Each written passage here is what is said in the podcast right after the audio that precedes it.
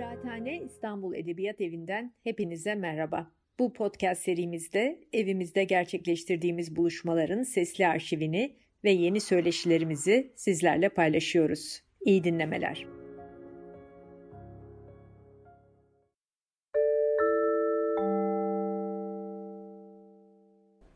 Merhaba. Ee, bugün e, eski Yunan felsefesinin ilk çağından e, eski Yunan felsefesinin ilk çağını ne yapalım e, sorusundan söz edeceğim biraz. Biraz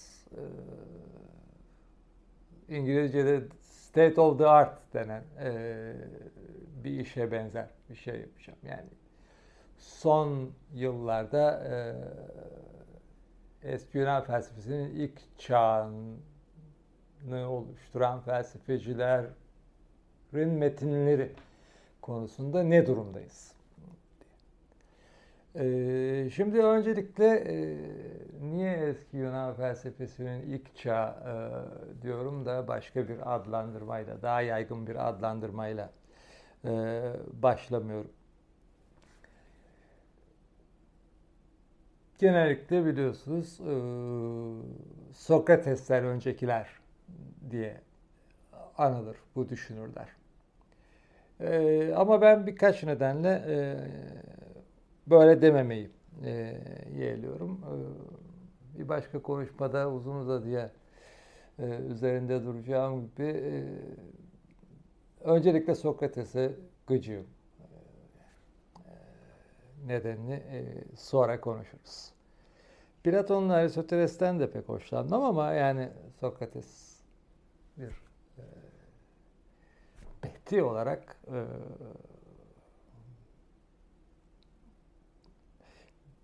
biraz kurcalanması gerektiğini düşündüğüm birisi. Dolayısıyla onun adıyla, dolayısıyla herhangi bir özel adla e, dönemlendirmeyi e, yeğlemiyorum. E, dolayısıyla 19. yüzyılda bir dönem dendiği gibi ya da kimi felsefe tarihçilerinin günümüzde de demeyi yeğlediği gibi Platon'dan öncekiler demeyi de doğru bulmuyorum. Belli bir tarihsel kişinin adına bağlı bir dönemleme felsefe e, tarihi dönemlendirmesi olarak e, pek yeğlemiyorum. E, ama e, felsefeden önceki felsefe e, dememin de şöyle bir nedeni var. Genellikle e, kimi eski çağ kaynakları kendisine filosofos, e, felsefeci diyen ilk kişinin e, Pitagoras olduğu e, yolunda bir takım e, aktarımlar içerir.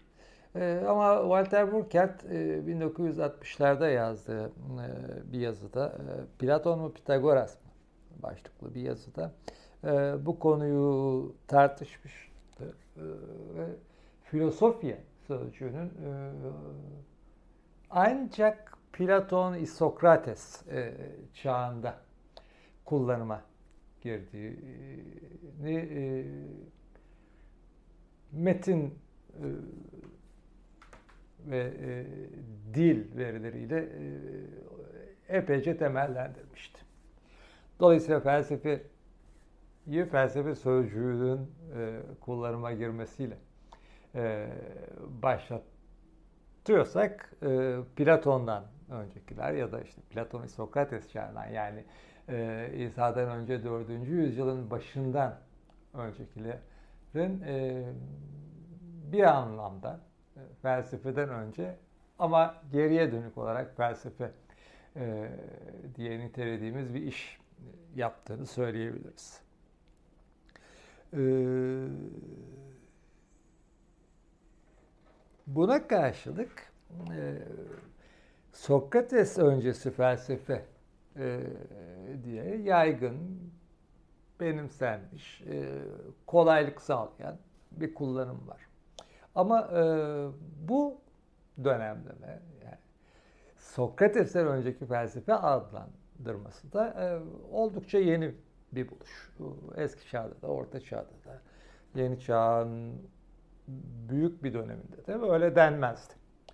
E, bilebildiğimiz ölçüde e, Sokrates'ten önce felsefe nitelemesi e, ya da Sokrates öncesi felsefe nitelemesi ilk kez Johann August Eberhard'ın e, genel felsefe tarihi e, başlıklı e, kitabında kullanılıyor. E, yani 1788 47. sayfadan başlayan For Socratische Philosophy diye bir e, bölüm var o kitapta. Ondan önceki bir e, kullanımını bilmiyoruz. Sokrates öncesi ulamın.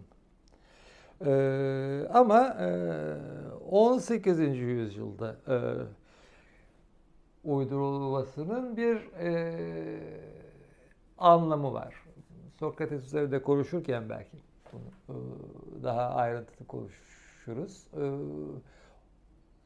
Sokrates sorunu diye bir sorun var felsefe tarihinde. Ee, bu sorun durup durup depreşen e, bir sorun. Bir beti, bir e, Pierre Hadot'un deyişiyle bir figür olarak e, Sokrates'in e, belirleyici konumuyla bağlantılı. 18. yüzyılın ikinci yarısında e, yığınla Sokrates kitapçığı e, ortaya çıkıveriyor. Bunlardan birinin başlığı ilginçtir. De Socrate Juste Damnato. Sokrates'in haklı yere e, mahkum edildiği üzerine diye bir başlık. E, Sokrates öncesi felsefe ulamının bir tarihsel dönemin adı olarak uydurulmasıyla ya da yaratılmasıyla e, Sokrates sorununun bir kez daha tartışılır e, hale gelmesi arasında bir tarihsel bağlantı var. 18. yüzyılın ikinci yarısında. Ama e, asıl e, Sokrates öncesi e, ulama e, Herman Diels'ın e, yerleştirdiği bir.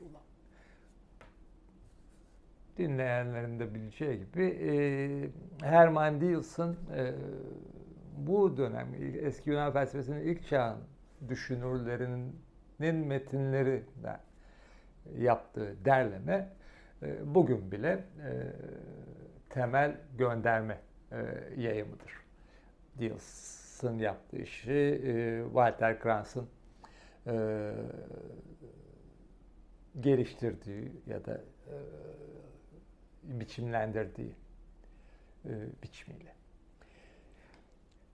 Şimdi e, felsefeyi elbette birçok e, biçimde anlayabiliriz. Birçok başka kişi, birçok başka felsefeci birçok başka biçimde anlar. Pek çok seçeneğimiz vardır. Ee, bir yaşama biçimleri, tutumlar, yordamlar kümesi, dizisi dolayısıyla tarihi olarak. Bir okullar dizisi, kümesi, tarihi olarak.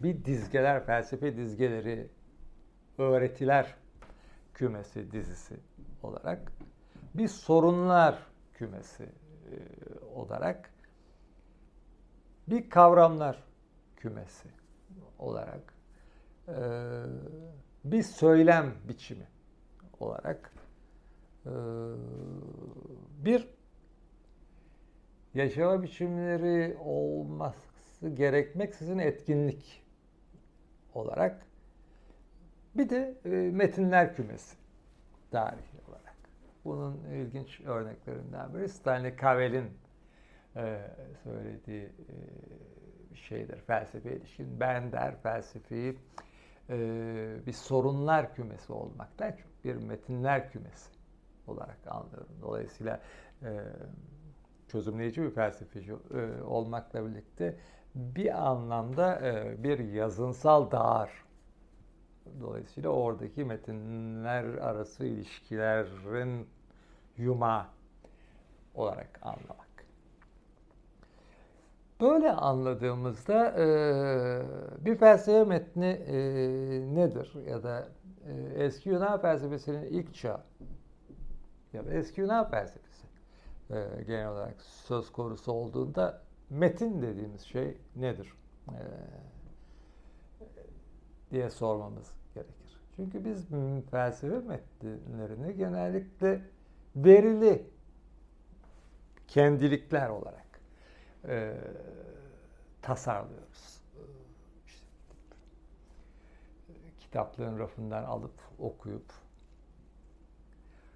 kimilerinin deyişiyle yakın okuma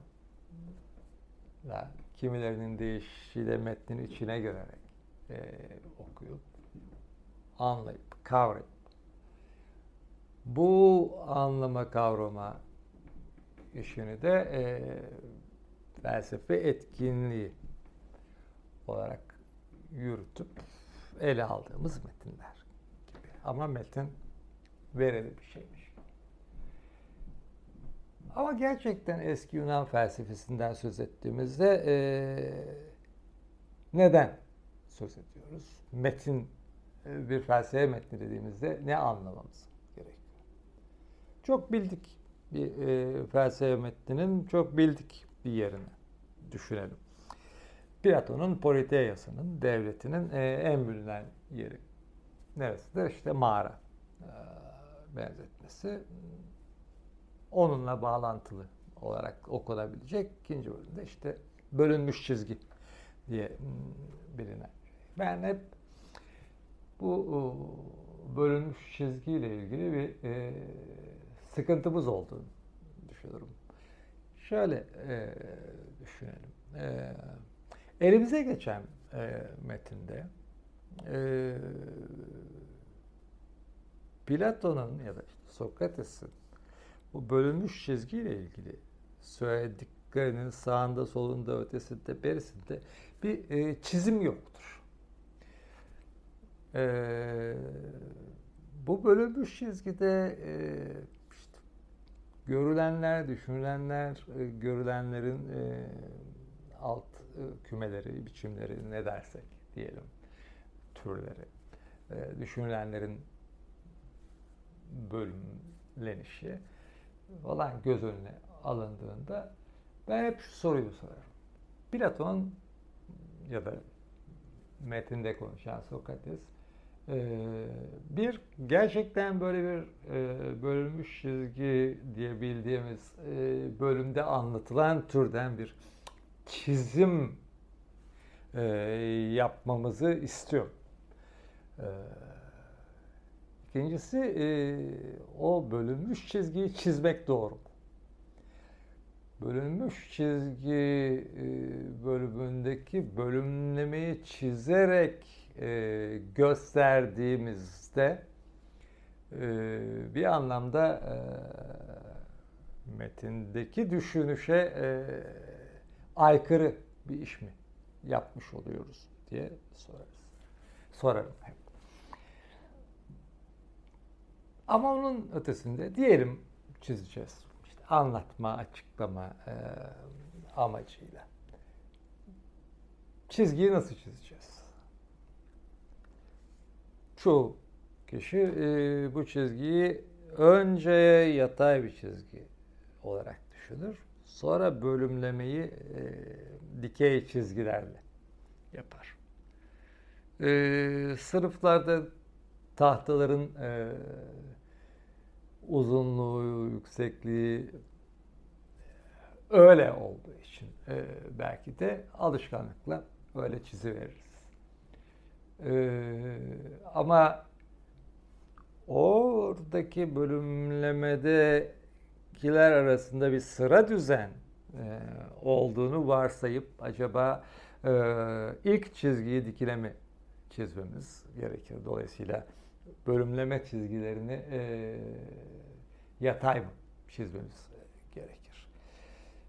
En iyisi elbette çizmemek. E, ama e, çizeceksek bunu nasıl tasarlamalıyız e, diye de düşünmemiz e, gerekir. Metin e, doğrudan bir şey söylemiyor e, bu konuda bize ama işte sağında sonunda daha çok sonrasında işte anokato yukarı aşağı gibi e, bir şeyler e, söylüyor. Belki de e, dikine tasarlamak çizmesek bile e, daha yerinde olur.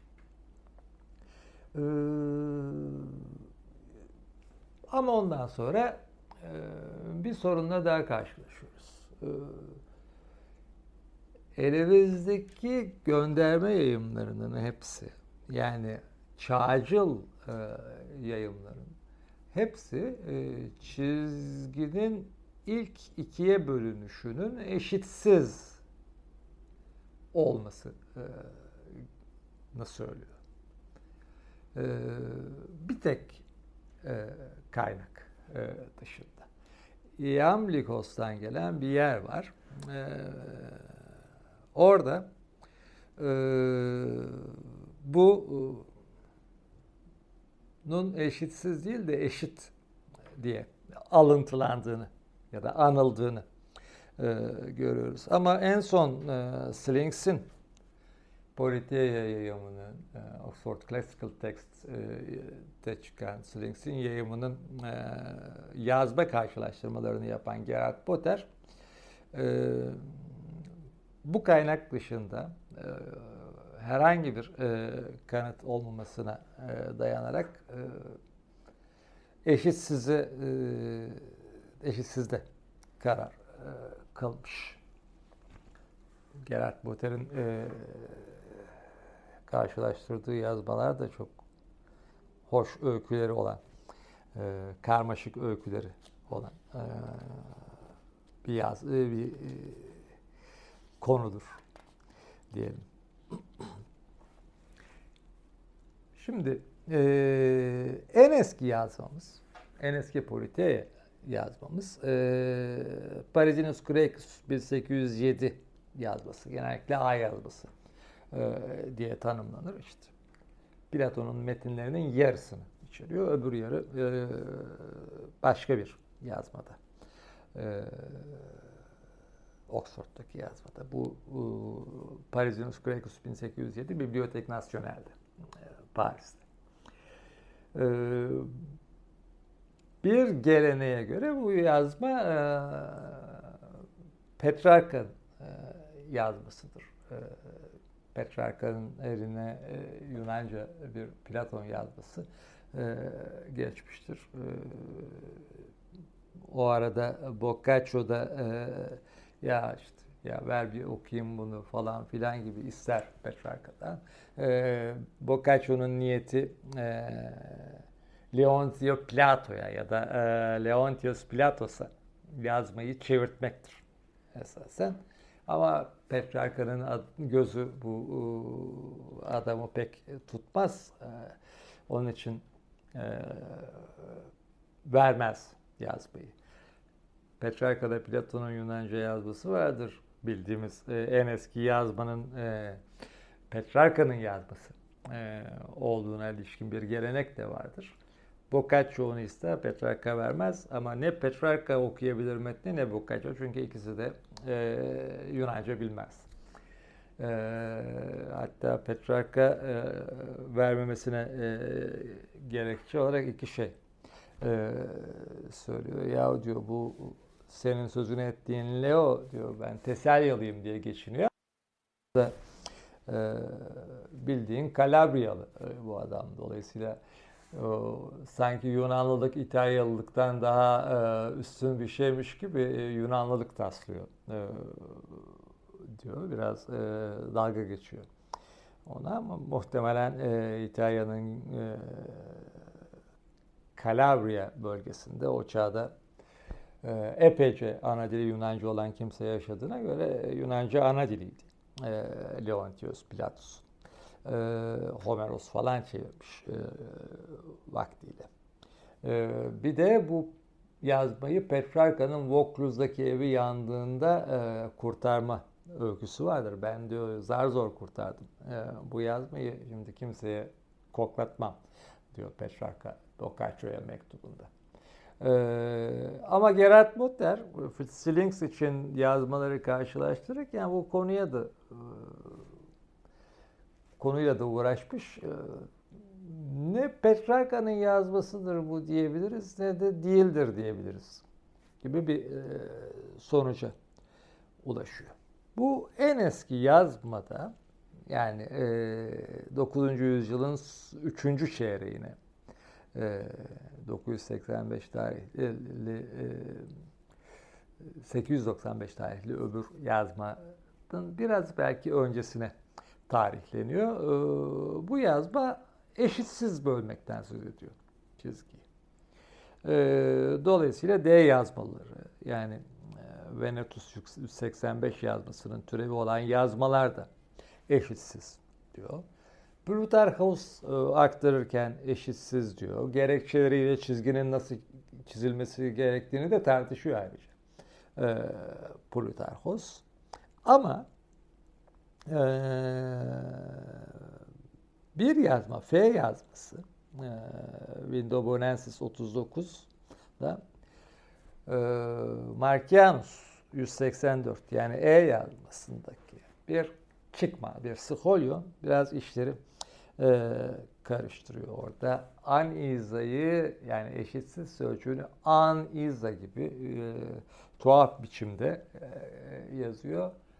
E, ama öyle yazıldığında öyle ayrı iki ayrı sözcük e, metninde görüldüğünde metinden anlam çıkmıyor. Dolayısıyla bu e, yazımın olanaksız olduğuna karar verebiliyoruz. Ee, işte Richter ona uyarak Dümler bu an iza biçimini bir biçimde onarıp her biri eşit gibi e, bir anlam e, çıkarıyor. E yazmasına gelince onun yazısı Johannes Rosos e, diye birisi. Besaryon için e, kardinal için e, kopyalamış e, yazmayı. Ama geç bir yazma. 15. yüzyılın ikinci yarısı. E, oradaki bir çıkma işte Sholyon. E, büyük olasılıkla e, bu Johannes Rosos'un elinden e, çıkma e, ya da Besaryon'un e, çıkması olabilir. Herman e, Platon'u toplu yayımı hazırlarken 6. ciltte bu Skolyon'u e, alıntılıyor ve iki sayfalık falan çok uzun bir çıkma. Bu çıkma e, Iamlikos'tan geliyor. E, Perites Koines Mathematicas Epistemes'den geliyor. E, bunun bir özeti aslında. Ee, yani oradaki 32 e, ile 37. sayfaların Festa yayımındaki bir özeti. Ee, daha önce de yayımlanmış e, bir metin. Iamlikos, Brotinos'la Architas'tan e, alıntı yaparak orada ilk bölünen çizgi ya Architas ile Halkis ile göre eşit ya da Platon'un kimi yazmalarında görüldüğü gibi eşitsiz bölümlere gibi bir şey sunuyor. Bu biraz e, işi karıştırıyor. Yani e, Iamlikos'tan gelme bir e, özet.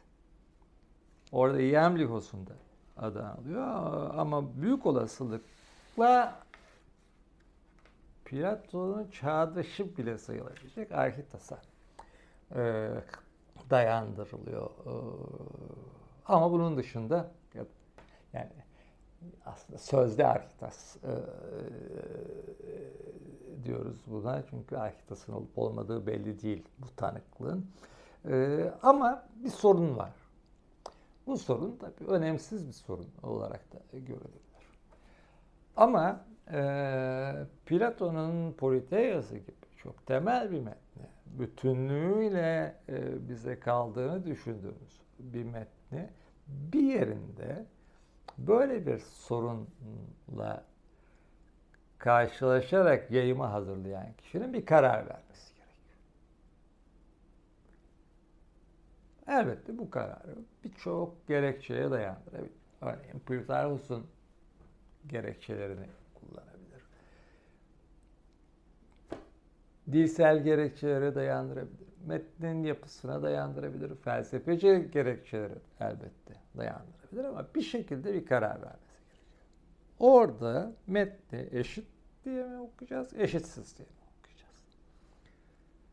Bu tabi uç e, bir örnek ama başka bir e, takım bağlamlara gelince işler karışıyor. Bu örneği neden veriyorum? Şundan veriyorum. Platon'unki gibi, Platon'un Politeias'ınınki gibi, Politeias'ı gibi belli bir gelenekte çok eski bir yazmadan, yani Platon'un çağından değil evet de ama yani 9. yüzyıl gibi çok eski bir dönemden bildiğimiz yazmaların eski Yunan e, metinlerinin yazmalarının en eskilerinden birinden gelen bir metinde bile e, böyle bir sorunla karşılaşıyoruz. Dolayısıyla Platon'un Proteası gibi bir metnin bile yayımlayanın kurduğu bir metin e, olduğunu anımsamamız gerekiyor. Dolayısıyla Platon'un Proteas'ının bile Platon'un elinden çıktığı e, biçimiyle e, elimizde olmadığını e, göz önünde bulundurmamız gerekiyor. Ara ara anımsamamız gerekiyor. Böyle birçok minik e, metin sorunlarıyla karşılaşır. Onun için e, yayıncılar, yayını hazırlayanlar, onun için bütün e, eleştirel yayınların e, sayfalarının dibinde aparatus criticus denen eleştirel gereç e, denen e, bir yığın vardır. Okur genellikle onları göz önüne almaz. Çünkü yayımcının verdiği bir karar vardır zaten. Dolayısıyla onu metin sayar. Ama kimi durumda oraya bak bak e, gerekir.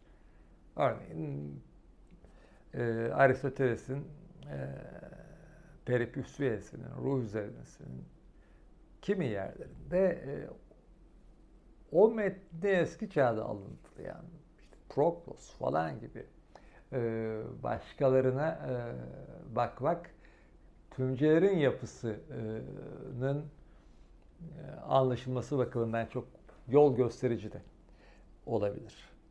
En azından bize eski çağın belli bir döneminde o metnin nasıl okunduğunu e, göstermesi bakımından ilginç olabilir.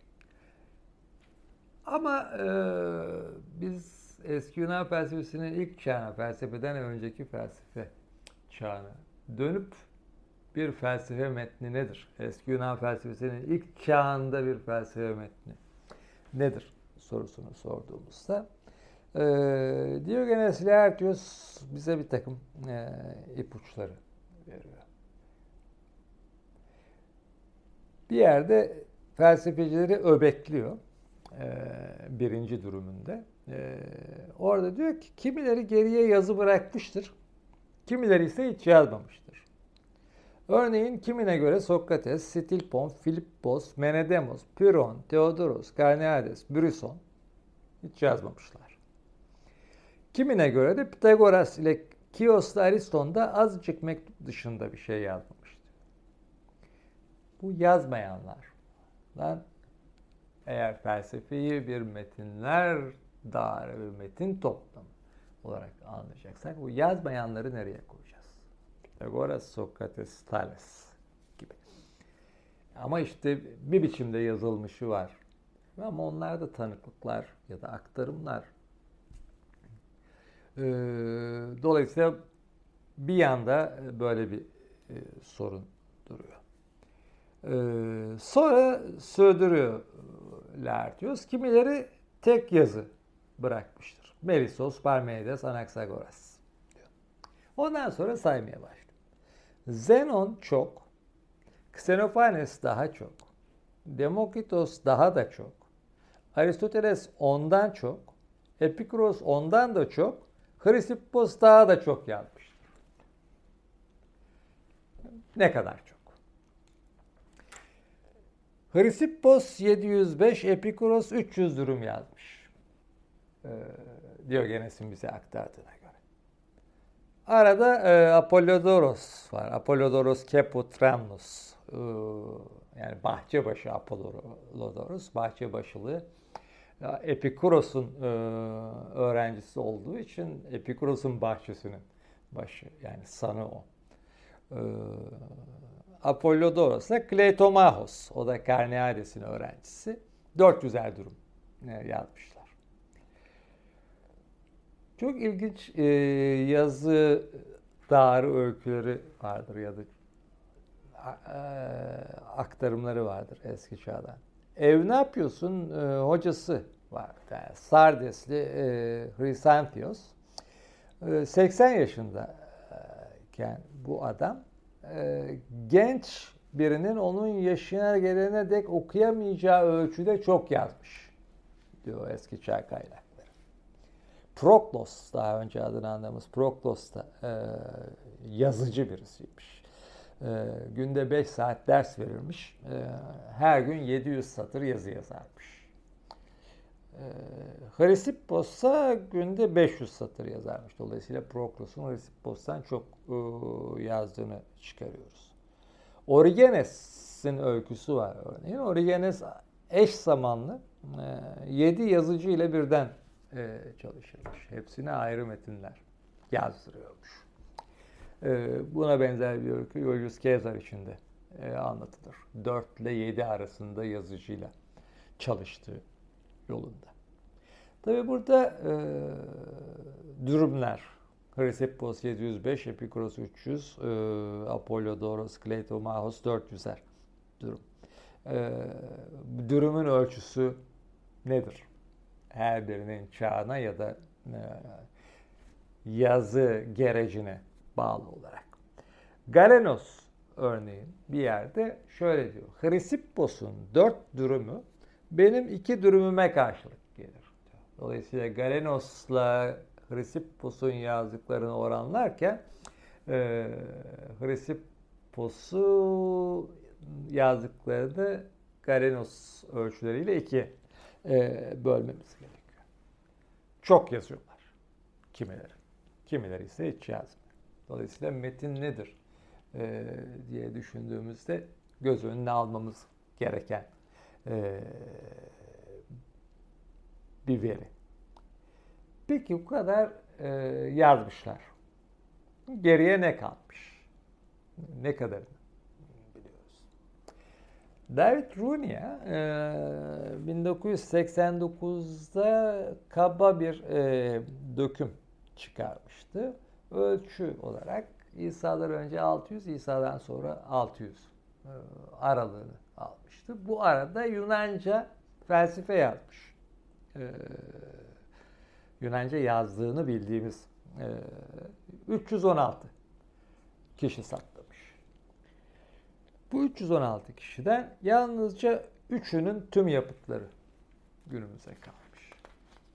Platon, Plotinos, bir de işte kendime düşüncelerden başka bir şey yazdıysa Marcus Aurelius. Bu 316 felsefeciden 55'inin bir bölümü elimize kalmış. Bu 55'ten yalnızca 10'u İsa'dan önceki e, dönemde. Yani ilk 600 yılda. Geri kalan 256'sını e, yalnızca başka metinlerdeki alıntılardan ya da tanıklıklardan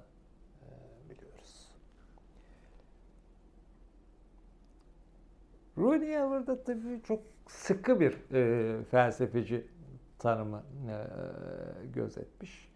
E, terimin kapsamını biraz geniş e, tutarsak geliyoruz e, Richard Goulet'in e, eski çağ felsefecileri sözlüğündeki son cildindeki hükmüne bu çok büyük bir iştir. Bu Runia'nın sözünü ettim. Dökümünün yayımlandığı sıralarda e, yayımlanmaya başlıyor.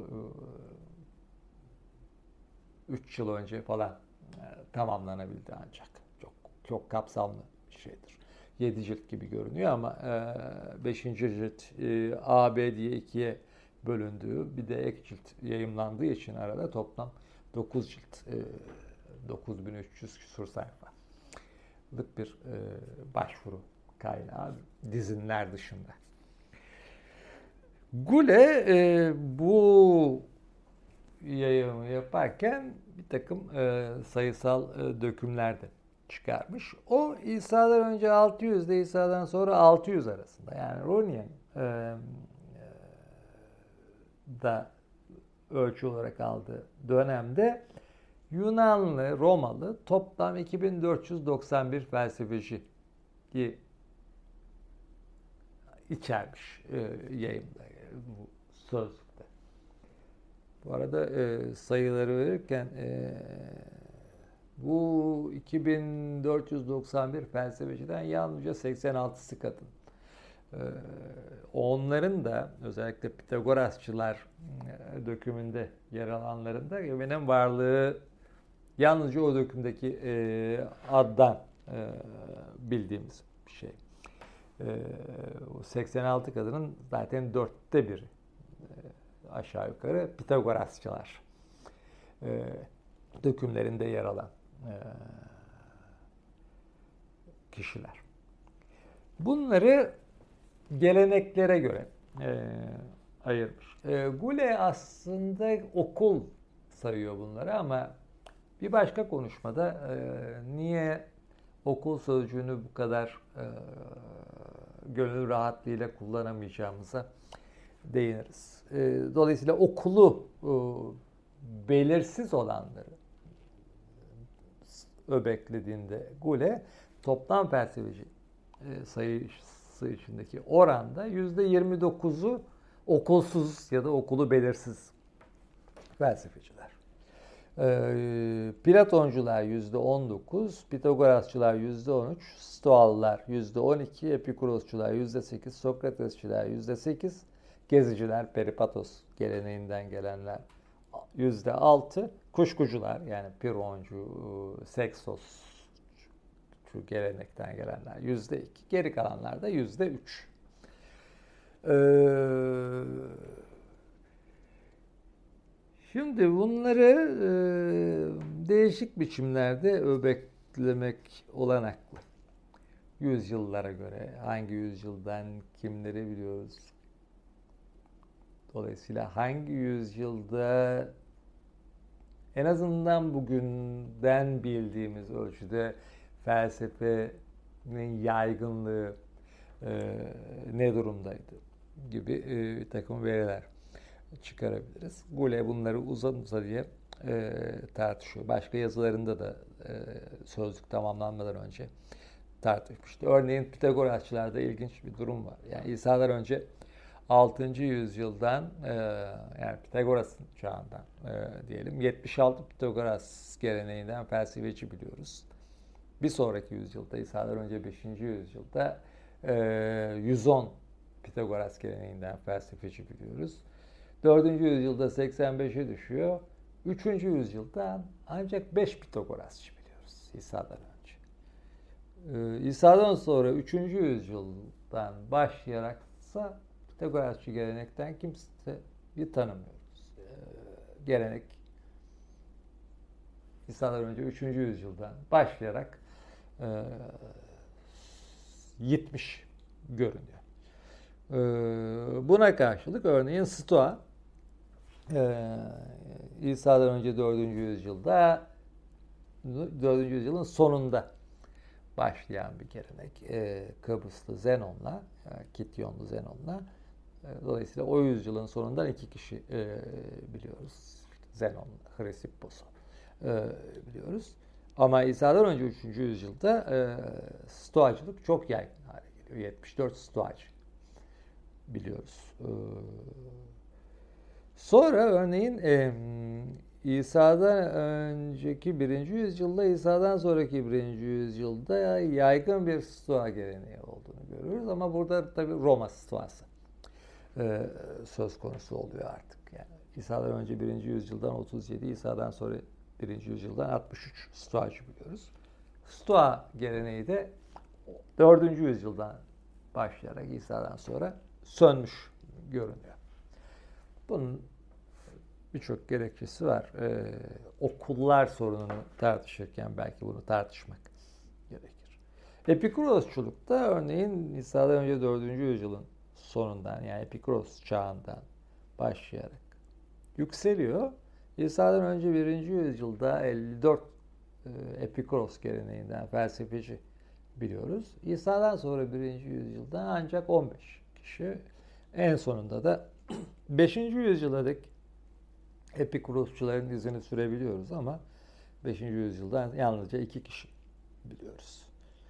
Ee, Sokratesçi gelenek tabii çok erken e, sönüyor. İsa'dan önce e, 5. yüzyılda 36 Sokrates'in çevresinden söz ediyoruz artık.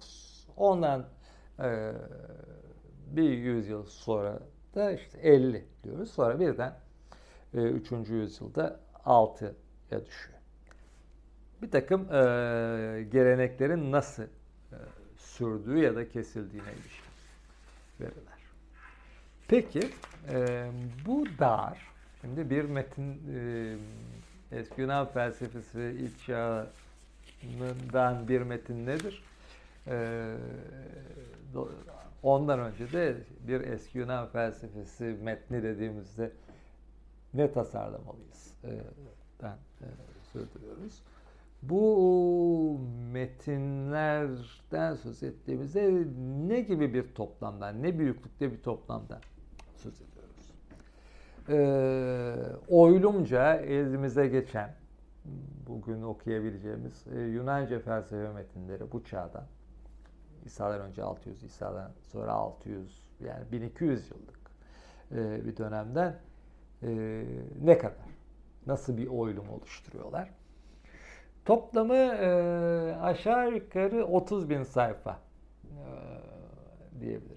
E, nasıl e, 30 bin sayfa? E, e, Berlin Bilimler Akademisi'nin yayımladığı genel yayın yönetmenliğini Herman Dielsen yaptığı Komentar Yayın Aristotelem Greca, e, Aristoteles'in Yunanca açımlamaları ya da Aristoteles'e ilişkin Yunanca açımlamalar dizisinin sayfa boyutlarıyla yani büyük boy e, 12 punt 11 puntluk bir sayfa. E, düşünün 30 bin sayfa. Toplam e, eski Yunan felsefesi.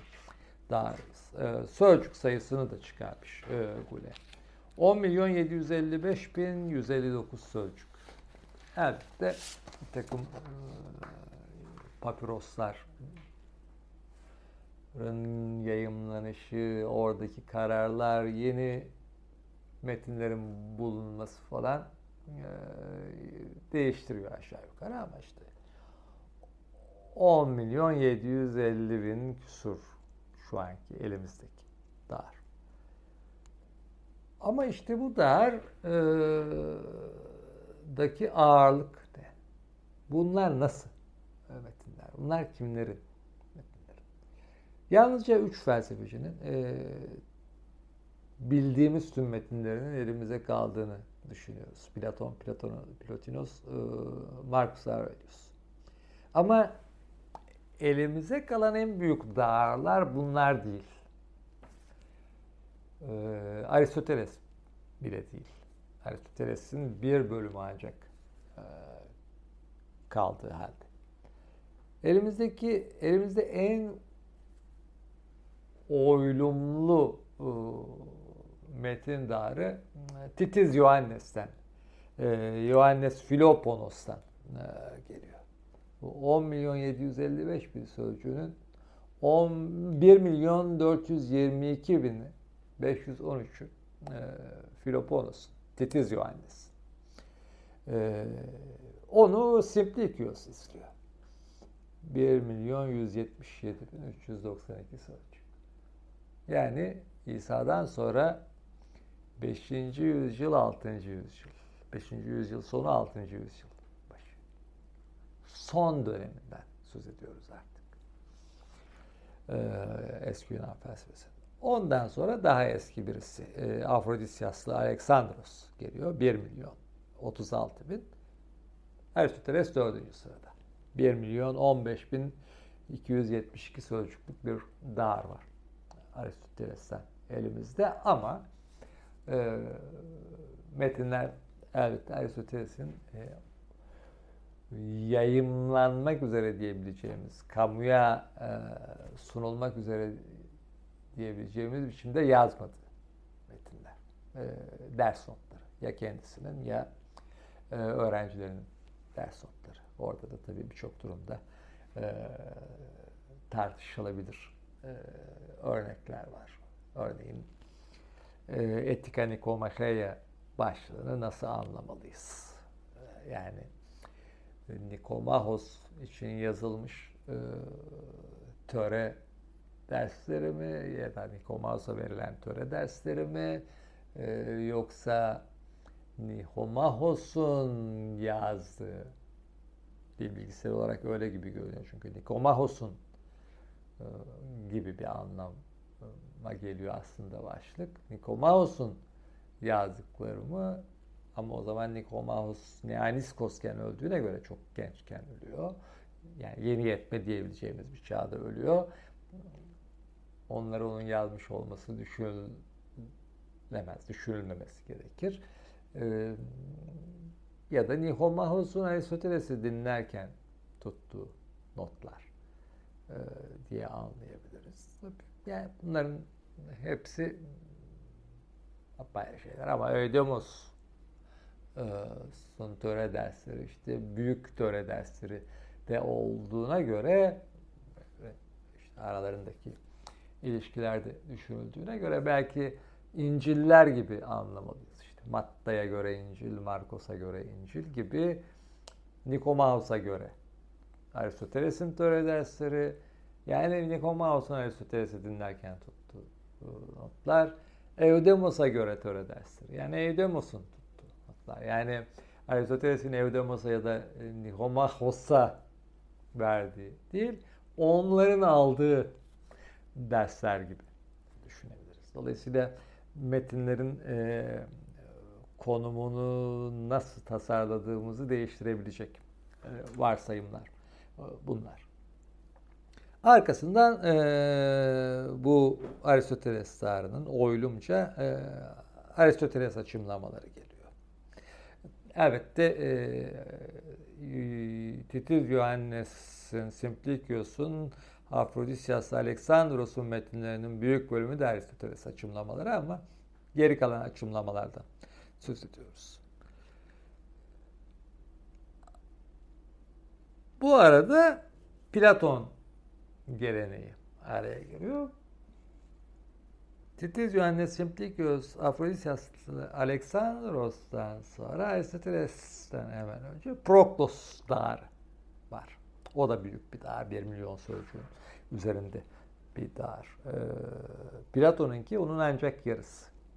600 bin e, sözcükten biraz az. E, bunların hepsini topluyoruz. Aristoteles geleneği.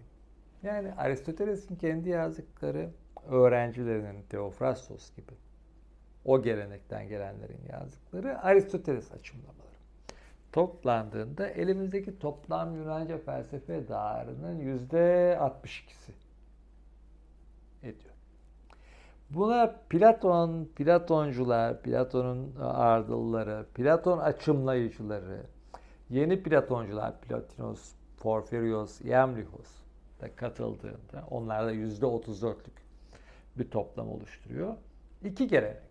Aristoteles geleneği ile Platon geleneği açımlayıcılarıyla birlikte elimizdeki toplam felsefe metinleri dağarının yüzde 96'sı ediyor. Geri kalanlar, ha buna şeyi ekleyebiliriz. Deneyici seksosu, seksos empirikosu ekleyebiliriz. Yüzde ikilik bir bölümü de bu metin dağarının ondan geliyor. Yüzde 98. Geri kalan herkes. Yani Pitagoras. Pitagorasçılar. Okkelos, Antistenes, Bolos, Andronikos, Kornutos, Kebes, açımlayıcı Herakleitos, Epiktetos, Marcos Aurelius, Neopulainos, Corpus Hermeticum, Cleomedes, Geminos, Platon'dan öncekilerin hepsi. Toplam darın yüzde ikisi. Yani topu topu 228 bin 281 sözcük. Yani devede kulak. Şimdi oransal olarak baktığımızda örneğin yazar oranlamasıyla baktığımızda ilk beşimiz e, Titiz Johannes toplamların yüzde on üçünü oradan elde ediyoruz. Yani İsa'dan sonra 6. yüzyıl başı. Simplikios yüzde on bir, o da 6. yüzyıl. Afrodisias Alexandros İsa'dan sonra 3. yüzyıl. Yüzde on oradan geliyor. Proklos yüzde on. İsa'dan sonra 5. yüzyıl. Hepsi gördüğünüz gibi 5. 6. yüzyıl. En erken 3. yüzyıl. Bu ilk beşe yalnızca e, İsa'dan önce 4. E, yüzyıldan Aristoteles girebiliyor yüzde dokuzla.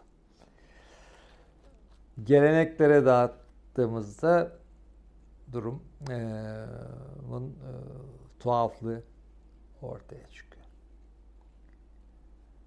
Dolayısıyla eski Yunan felsefesi dediğimizde niye e, Platon'la Aristoteles e, diye verdiğimiz de ortaya çıkıyor.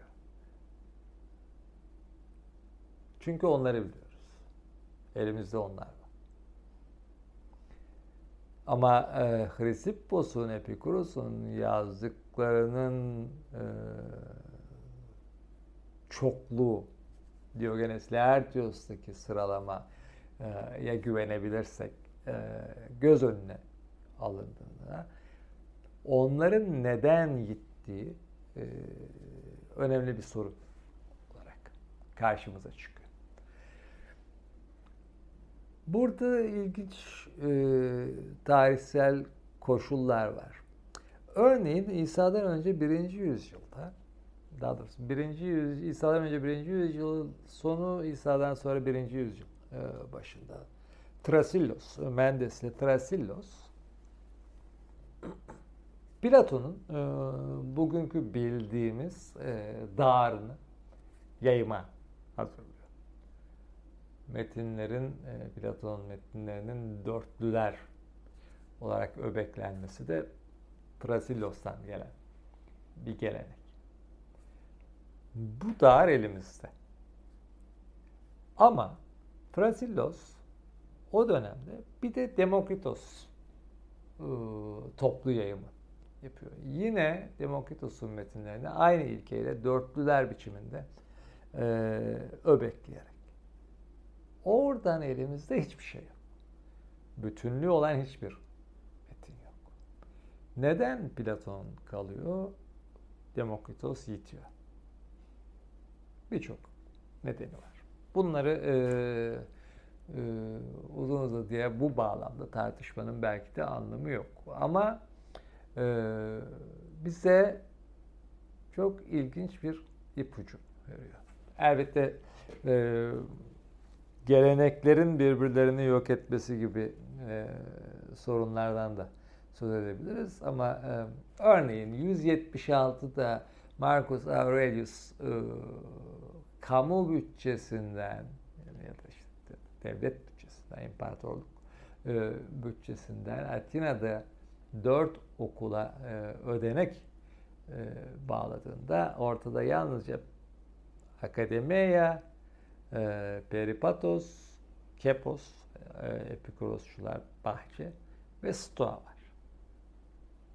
Yalnızca dört geleneğe ödenek bağlı. Ötekiler Marcus Aurelius çağında zaten e, sönmüş, gitmiş görünüyor. biraz önceki dönemlere göre, e, yüzyıllara göre değişimleri de göz önüne alırsak e, aşağı yukarı oraya karşılık geliyor. Yani Marcus Aurelius, Lucianus çağındaki felsefenin görünümü öyle olmuş artık. O zaman bile gitmiş görünüyor birçok metin. Ya da gitmemişse bile okunur olmaktan çıkmış.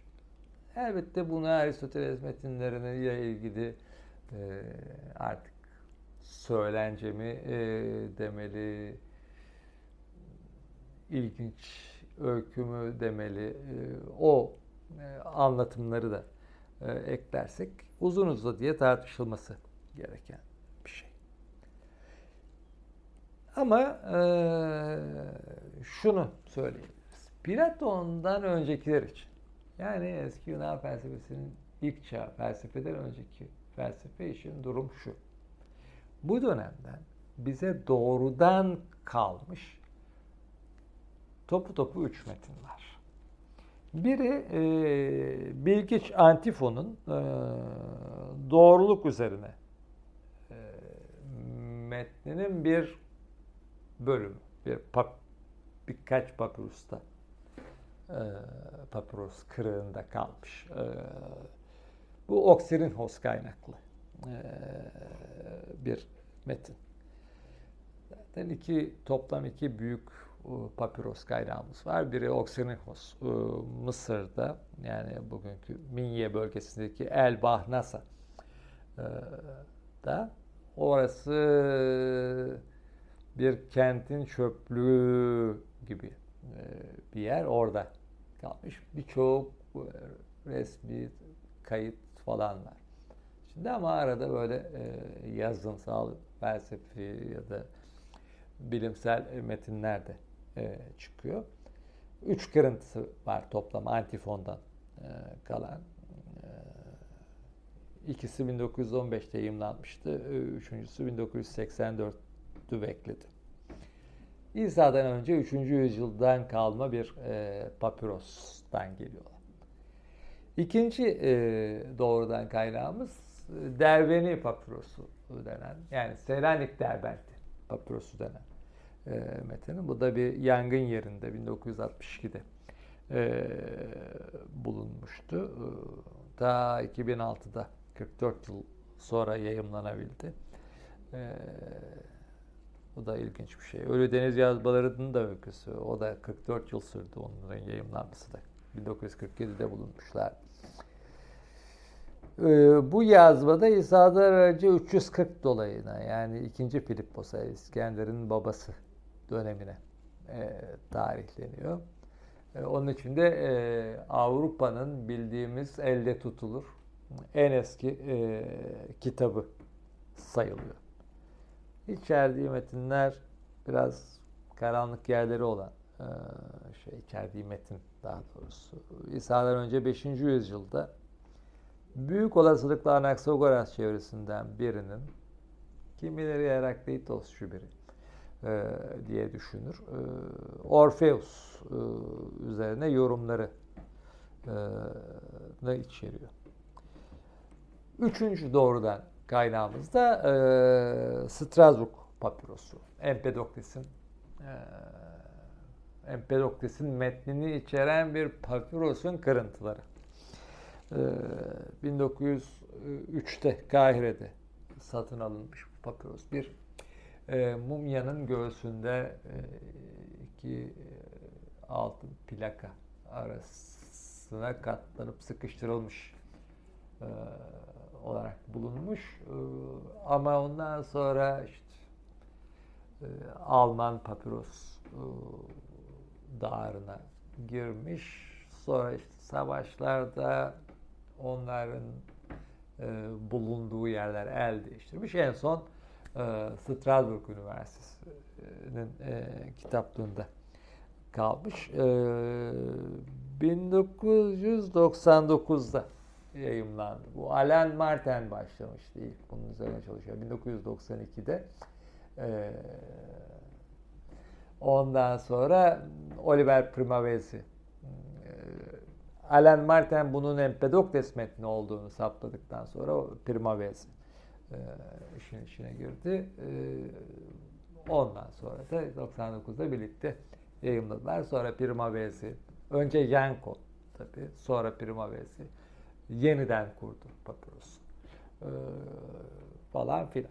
Bu e, çok ilginç bir metindir. Ee, Empedokles ile ilgili tabii bir de şöyle bir e, var. Ee, Empedokles'in iki metin mi bir metin mi yazdığı e, öteden beri tartışma konusuydu. Bu Strasbourg yazması ortaya çıkınca dek. Diels e, kimi kırıntıları doğa üzerine başlıklı bir metne, kimi kırıntıları da Katarmoy, arınmalar başlıklı bir metne bağlamıştı. Dolayısıyla iki ayrı e, metin varsayımı e, dayanıyordu. Ama 1960'lardan itibaren özellikle bu tartışma e, konusu olmuştu. E,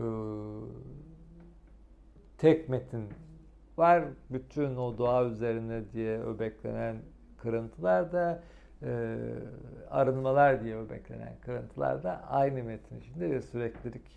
Aynı metnin değişik bölümleri olsalar da bir süreklilik dolayısıyla bir bütünlük içeriyorlar.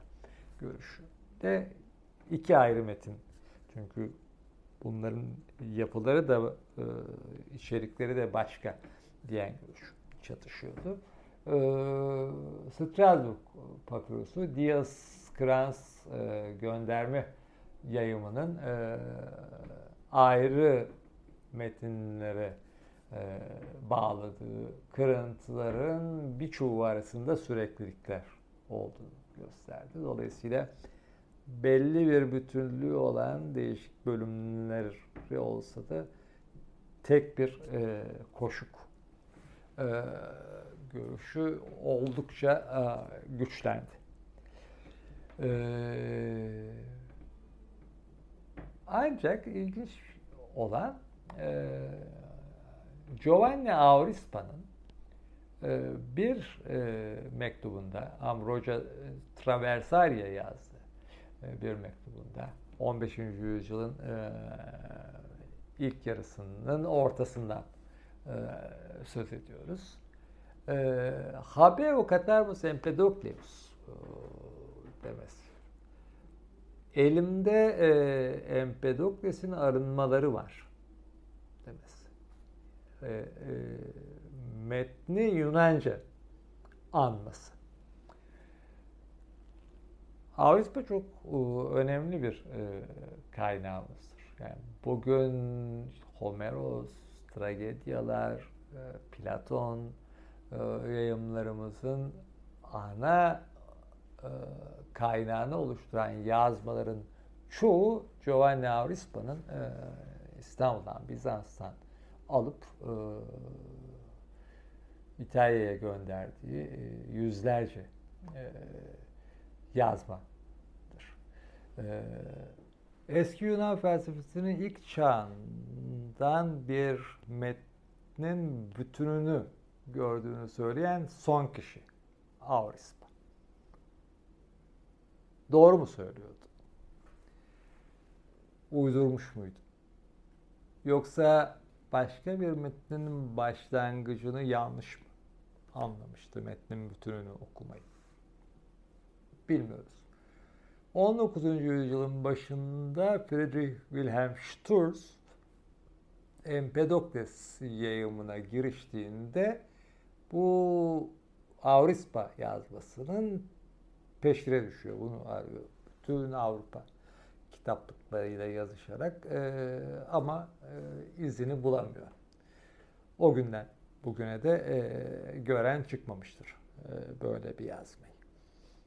Ama e, genel kanı e, Avrispa'nın e, böyle bir yazmayı getirdiği ama e, bir dönemde bu yazmanın bir yerlerde gittiği e, yönündedir. E, ilgilenenler örneğin Yaap Masfeld'in bu konuda epey uğraşmışlığı vardır. Onun yazdıklarına e, bakabilir. Şimdi geliyoruz e, bu e, metinlerin yayımlanması işine. Çünkü şutur su andık. İlk yayımı bu Platon öncesi felsefecilerin ya da e, eski Yunan felsefesinin ilk çağını oluşturan felsefecilerin metinlerinin ilk yayımı Editio Princeps'i Henricus Stephanus'un, Henri Estien'in yani torun e, Stephanus'un Poesis Philosophos e, derlemesi. E, 1573 tarihli. E, bu Stefanus e, Estienne soyu ilginç e, bir soyudur. E, onlar neler neler e, yapmıştır ama oralara e, girmeyelim çok uzatmamak için. Bu derlemenin içinde neler var? E, bu 16. yüzyıl e, derlemesinin. E, Empedokles, ozanlar, e, tabii felsefeci ozanlar ya da felsefece şiir, koşuk e, e, derlemesi gibi bir başlık taşıyor. Empedokles dolayısıyla Xenophanes, Parmenides koşukla yazanlar var. Kleantes, Epiharmos, Timon, Kritias'tan kırıntılar derlenmiş. Bunlara Orpheus, Musaios, Sinos, Pitagoras metni e, diye bilinen o çağda bir takım metinler. Bir de Hipokrates eklenmiş. eklenmiş. En sonra da Herakleitos'la Demokritos e, iliştirilmiş. Ama burada tabii e, onlara e, onların adına bağlanan bir takım mektuplar da var. Bunlar e, düzmece e, metinler. Başka çağlarda yazılmış. Şey. Ama yani bu tuhaf dar. E, bir bakıma eski çağ metinlerinin yeni çağdaki ilk eleştirele benzer, eleştirelimsi e, yayımını, e, yayımlarından birini e, oluşturuyor. Stefanus'un e, Platon yayımı gibi yayımları e, da göz önüne alırsak. E, işte bu işin içinde e, Joseph Scaliger, e, Isaac Casaubon gibi e, çok önemli büyük e, klasikçilerin de parmağı var tabii ki.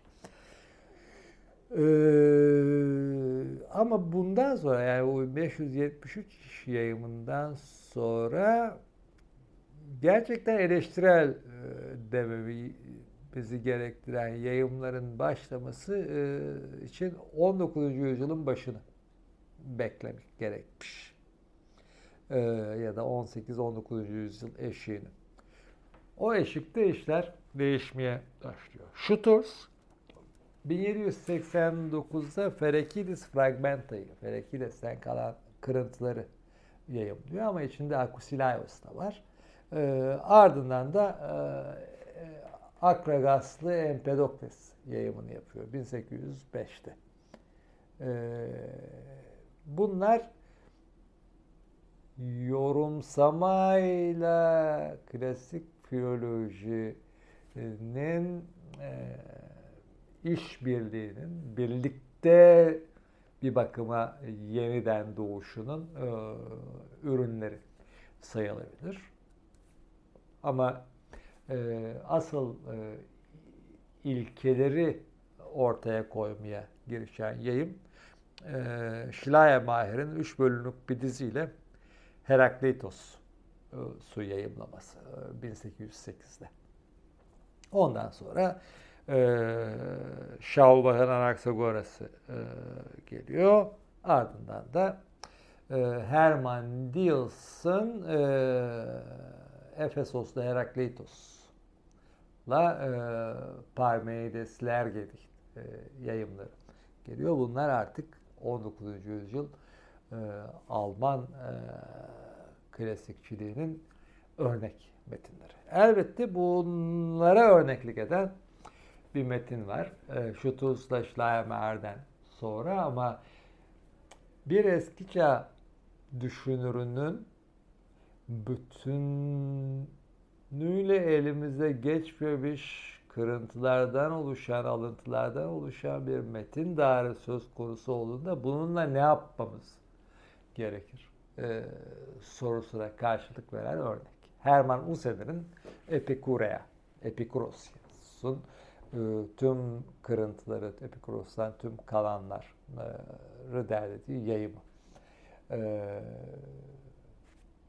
onun ardından da e, Uzener'in öğrencisi e, Dios'un e, bugün bile e, geriye dönüp baktığımızda e, gerçekten e, şaşkınlık uyandırıcı e, işleri. Şimdi Dios 1903'te e, Parmenides Heraklitos yayınlarında kullandığı ölçüleri e, kullanarak fragment eder for Sokratikleri. Sokrates'ten öncekilerin kırıntılarını yayımlamaya başlıyor. Sonunda üç cilt olacak. İlk iki cilt metinler, üçüncü cilt dizimler. Ee, sonra da Kranz bunu e, güncelleyecek. Altıncı yayımıyla 1952'de e, bugün gönderme yayımımızı oluşturacak. o işin büyük bölümünü de e, Kranz'ın son biçiminin büyük bölümünü de e, İstanbul'dayken e, yaptığını anımsayalım. Sonra da çokça bir iz bırakmadan e, gitmesi tabii e, tuhaf bir yandan. Yani o çapta bir işi yapan e, birinin ardıllar e, bırakmaması çok ilginç. Yalnızca Suat Baydur'la birlikte e, yaptıkları işte antik felsefe başlığıyla bir bölümü var. Süzmesi diyelim var. E, Diels Krans yayımının elimizde. Türkçe'de yapılmış. Yeni dönem, yakın döneme e, gelince dek. Ama bu arada tabii e, başka bir e, yöntem e, işin içine karışıyor. Schleiermacher Sturz'un kullandığı e, betik bilim yorumsamanın e, yorumsama bölümünden ayrılarak ol, bir tür e, titiz nesnellik ölçüsü e, kullanan bunu tabi e, 19. yüzyıl Alman tarihçiliğinin e, çıkmayı e, uydurması mı e, diyelim yaratması e, da bağlantı kurabiliriz burada. E,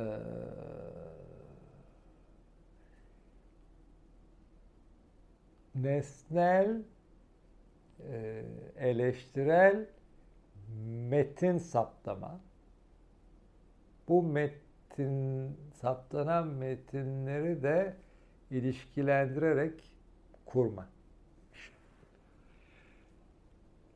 Bunun için Diels çok uzun bir yol kat ediyor. Önce e, 1879'da Doxografi Greki, sonra 1901'de Poetarum Philosophorum Fragmenta'yı, e, felsefeci ozanların kırıntılarını yayınlıyor. E, Arada 1897'de Parmenidesler Gedicht var. Ee, sonra 1903'te Fragmente der Forsokratiker. Bütün bunları düzenlerken metinleri saptayıp ilişkilendirip kurarken Diels şöyle bir ilke istiyor. Aslında Uzeder'in ilkesini Huzelerin ilkesinin arkasında da ritual var. O uzun bir öykü e, gerçi. Ritual, Uzener'le e, Nietzsche'ye e, bir işin daha sonra Deals'ın yapacağı işin bölümlerini vermiş. İşte Nietzsche e, Diogenes Laertios'u e, yayımlayacak, eleştirel yayımını yapacak. E, Uzener başka bir takım e, ilişkili metinleri e, yapacak. Bunu e, Nietzsche'nin e, Erwin Rode'ye yazdığı, 1869'da yazdığı bir e, mektuptan biliyoruz. E, orada Rode'ye Napoli'deki bir e, henüz okunmamış, bakılmamış bir yazmaya gidip bakmasını istiyor şeyden, Rode'den Nietzsche. E, Laertios yazmasından söz ediyor. 12. yüzyıldan bir yazma. Sonra Waxmut'tan e, Collatio alacağım diyor. Yani e, yazma karşılaştırmalarını ona yaptıracak. Hmm, dolayısıyla ben diyor Laertios'un Futurus editörüysem, gelecekteki yayıncısıysam e, bu işi yapmam gerekiyor. Yardım istiyor. E, Uzaner'le ben bir felsefe tarihi dağarına derlemesine niyetlendik. Ben Laertios'la o da Stoboylu'yla sözde Plutarhos'ta falan katılacak aramızda kalsın. Demiş. Nietzsche kendi payını yapmıyor. Elbette çünkü 1869'dan sonra Nietzsche yön değiştiriyor. Tragedyanın doğuşunu yayımlıyor 1872'de. Ama Uzener de kendi e, payını yapmıyor. Onun yerine e, Epikuros'u e, yapıyor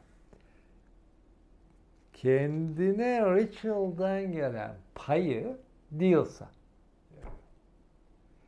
Ama Deals'ın önünde iki ödev birden var şimdi. Bir, Diogenes Laertios gibi bir kaynak var. İki, Uzener'in eleştirel yayımını e, hazırlaması beklenen Stoboylu Yohannes Sözde Plutarkos. Diels Uzener'in e, işini üstleniyor. Arkasından da bir e, varsayım geliştiriyor. Doksografi Greki e, Yunanca görüş yazarları doksa yazarları. Diels'in uydurduğu bir sözcük doksografi. Doksagrafos Sagrafos. Diaz e, Plutarhos'a bağlanan ama onun olmayan e, Soboy bir metnim. Soboylu Yohannes'in metnindeki alıntıları, Theodoretos gibi başka bir takım yazarların metinlerindeki alıntıları, Garenos'un felsefe tarihini karşılaştırarak şöyle bir varsayım ulaşıyor. Bunların hepsinin bir ortak kaynağı var. Bu ortak kaynak e, Theophrastos'un e, Plakitası, e, Ares Kontası. Yani e, görüşler, kanılar, benimsenen görüşler öyle bir anlam taşıyor. Felsefecilerin e, görüşlerinin, savlarının, öğretilerinin e, belli konulara göre e, ilişkilendirilmiş özetleri içeren bir Teofrastos metni. Buraya nasıl varıyor? Şöyle varıyor e, Doksografi Greki yayımını açarsanız e, ana metinde iki sütun görürsünüz. Sol tarafta e, Plutarkos'a bağlanan Plakita e, Areskonta diye bilinen metin. Sağ tarafta da Stoboylu Ioannes'te neredeyse sözcüğü sözcüğüne ona karşılık gelen e, alıntılar. Bunları e, Diels ilişkilendirerek hem e, sözde Plutarkos'un hem de Stoboylu Yohannes'in kullandığı ortak bir kaynak olması gerektiği düşüncesine vardı. Sonra Theodoratos da benzer yine neredeyse sözcüğü sözcüğüne aynı e, alıntıları bunlarla karşılaştırarak yalnızca Theodoros'ta adı geçen Aetios diye bir ortak kaynak olması gerektiğini düşünüyor. Kimileri bu Aetios varsayımına e, karşı çıkar. Çok az kişi işte Levede falan gibi. E, Dios'un e, bir karıştırmayı bir ilke olarak e, benimsediğini söylerler. E, Theodoratos çağında Areios Didymos adının e, bozu bir takım yağmalarda bozuşmuş biçimi olabileceğini ayet diyorsun. E, söyler örneğin Levete. Ama e,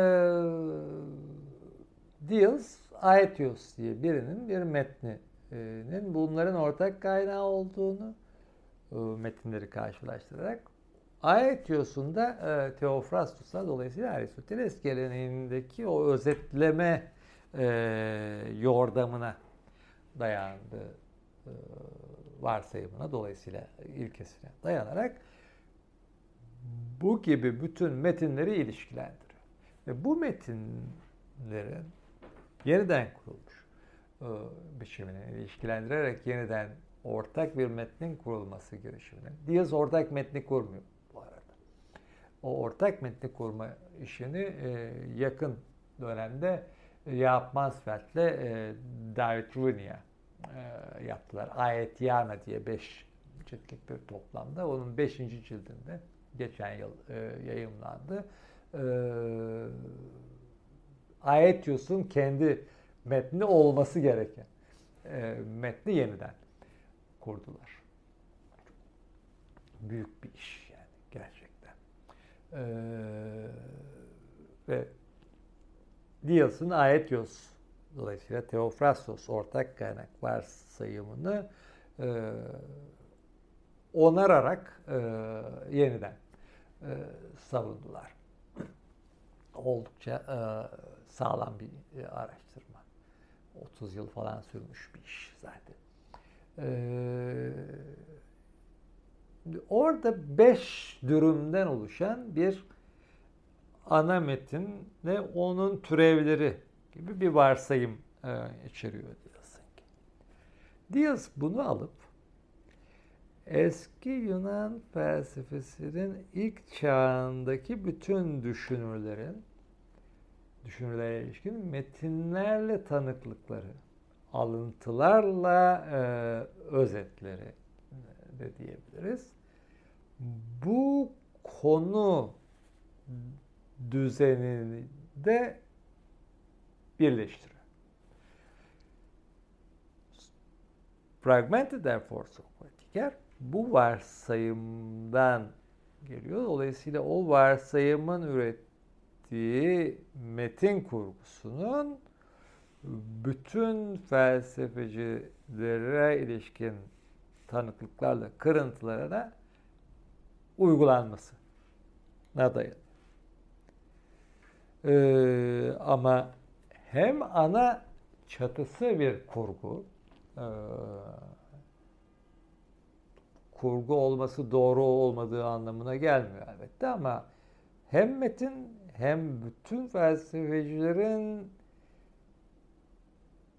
tartışma, uslamlama, konu sıralamalarının aynı yapıda, aynı yapıya sokulması bakımından bir kurgu. Ee, hem de bu kurgunun altında bir felsefeciden alıntılanan kırıntıların birbirleriyle ilişkilerinin buna uygun olması gerektiği, dolayısıyla metinlerinin yapısının da öyle olması gerektiği yollu bir ikinci kurgu. Bunun için Diels'in elinde elbette eski çağdan gelen bir takım e, dayanaklar, gerekçeler var. Bu gerekçelerin önemli bir e, bölümü Simplikios'la Sextos Empiricos'tan. Ama e, en temelde e, Sextos Empiricos'u bir yana bırakırsak elimizdeki en büyük dar Aristoteles açımlamaları olduğundan dolayısıyla o açımlamalar Aristoteles'in metnindeki düzeni izlediğinden Diels'ın yayımına dayanak oluşturan Aetios kurgusu da sonuçta Theophrastos'a dolayısıyla Aristoteles'in kendisinden önceki felsefecileri belli tartışmalarının e, hazırlığı olarak tartışıp eleştirip e, özetlemesine dayandığında Aristotelesçi bir korkuyla karşı karşıyayız.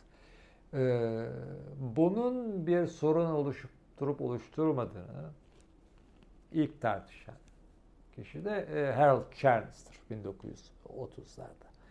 Bütün e, eski çağ felsefesinin ilk çağına ilişkin bilgimizin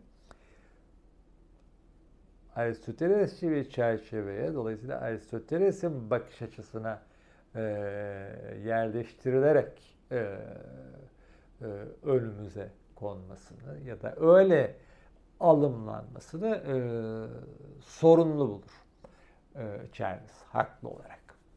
E, neden? Çünkü e, Aristoteles e, her şeyi kendine yontar. Yani kendi e, söyleyeceğini söylemek için bir araçtır. Öbürlerini tartışmak, başkalarının söylediklerini tartışmak Aristoteles için. Aristoteles açısından e, bu bir sıkıntı oluşturmaz. Elbette öyle yapacaktır. Birçok felsefeci öyle yapar ama biz e, Aristoteles çerçevesine, Aristoteles bakış açısından, Aristoteles ayracından çıkararak e, bu metinleri başka türlü anlayabilir miyiz e, sorusunu e, derli toplu biçimde ilk soran e, Charles olmuştur. Neden böyle? Şundan. Platon'la Aristoteles e, güvenilir kaynaklar mıdır? Başka felsefeciler açısından e, sorusundan ötürü. Bununla ilgili şöyle e, ayrıca da bir felsefe metninin eski Yunan felsefesinin ilk çağ söz konusu olduğunda nasıl bir kurgu olabileceğine ilişkin çok çok küçük e, ama e, buldurucu bir örnek vereyim. Hep verdiğim bir örnektir. E, Simplikios e, Aristoteles'in e, fizik akrozisine, e, doğa dersine genel olarak fizik diye biliniyor bu ama yani e, doğa dersidir asıl başlığı. Fizik akrozistir. E, ona yazdığı açımlama da e, Dioscrans'ta B1 e, kırıntısı olarak bildiğimiz Anaxagoras'ın e, metni veriyor bize. Homo hremata panta en. E, her şey bir aradaydı gibi bir şey. E, şimdi burada burada homo hremata panta en e, sözü e, Anaxagoras'ın e, eski çağ kaynaklarında e, sap diye bildiğimiz kadarıyla daha doğrusu e, David Sider'la e, Rösler'in e, saptamalarının toplamını göz önüne aldığımızda 57 kez alıntılanmış. Ama bu alıntılarda söz dizimi değişiklikler gösterebiliyor. Bu durumda e, yani, şöyle söyleyeyim, Platon'da iki kez e, alıntılanıyor Anaxagoras'ın söylediği. Aristoteles'te 10 kez alıntılanıyor. Simplikios 13 kez anıyor bu söz. E, David Sider Anaxagoras yayımı, Anaxagoras'ın B kırıntılarını yayımı hazırlarken bunu uzun uzadıya tartışmıştır. Simplikios'taki biçimin e, özgün biçim olması gerektiği sonucuna varıyor. Biz de Snyder'la birlikte o sonuca e, varıyoruz. Bütün veriyi karşılaştırdığımızda. Burada Snyder'ın da vurguladığı bir şey var. Platon'la Aristoteles Anaxagoras'a Simplikios'tan 900 yıl kadar daha yakın olduğu halde niye Simplikios'taki e, biçimin özgün biçim e, olduğu sorusu. Birçok nedeni var. E, Platon'un yazma biçimiyle ilgili, Aristoteles'in elimizdeki metinlerinin ders notları olmasıyla e, bağlantılı. Ama bir de Platon'la Aristoteles'in yazarken ya da anlatırken önlerinde Anaxagoras'ın metni olmaksızın bunu yapmış olmasıyla ilgili. Platon'la Aristoteles genellikle bellekten alıntı yaparlar. Okudukları metni bellekten anarlar. Ee, kendi e, iş görme e, biçimleri, kendi yol yordamlarıyla ilgili şeydir bu. Bir de tabii özellikle Platon'un henüz sözlü geleneğe e, daha bağlı olmasıyla, o bağlama daha e, yakın, belki yatkın olmasıyla ilgili. Phaedros'taki tartışmayı, e, yazının sorulara karşılık verememesi sorununu e, falan düşününce özellikle. Ama Simplikios'un önünde metin vardır. Simplikios'un önünde metin olduğunu başka yerlerden biliriz. Örneğin e, Parmenides'ten söz ederken, dolayısıyla daha doğrusu Aristoteles'in Parmenides üzerine söylediği bir şeyi açımlarken Simplikios şöyle bir şey diyiverir. Parmenides'in metni artık e, pek yaygın biçimde bulunmuyor, pek bulunamıyor. Onun için ben burayı e, biraz uzunca alıntılayayım diyor. Onlarca dize alıntılıyor. Sonuç e, Simplikios'un e, bizim için en vazgeçilmez kaynaklardan biri olması. Parmenides'ten e, toplam elimize kalan kendi metninden e, alıntı olarak 163 dize e, ya da yarım dize vardır. Bunların e, 88'ini yalnızca Simplikios'tan biliyoruz. Simplikios'tan bildiğimiz Parmenides alıntıları 100 dizenin üzerinde. Ama 88'i yalnızca Simplikios'ta var. Yani Simplikios alıntılamasa Parmenides'in metninin yarısından çoğunu bilmeyeceğiz. Ee, onun ardından Sextos Empiricos e, geliyor tabii ki. Sextos Empiricos'ta elbette başka e, hoşluklar var. Onu da anmadan geçmeyelim. Sextos Empiricos Parmenides'in e, koşuğunun bu başlangıcını işte e, atlar arabayı çekiyor, götürüyorlar. E, kapılardan geçiliyor falan. Ve orayı anlatırken e, arabanın gidişinin betimlenişiyle ilgili bir yorum yapıyor. İşte e, poyraların içinde öyle kaval sesi çıkararak e, dönüyor e, mil e, falan.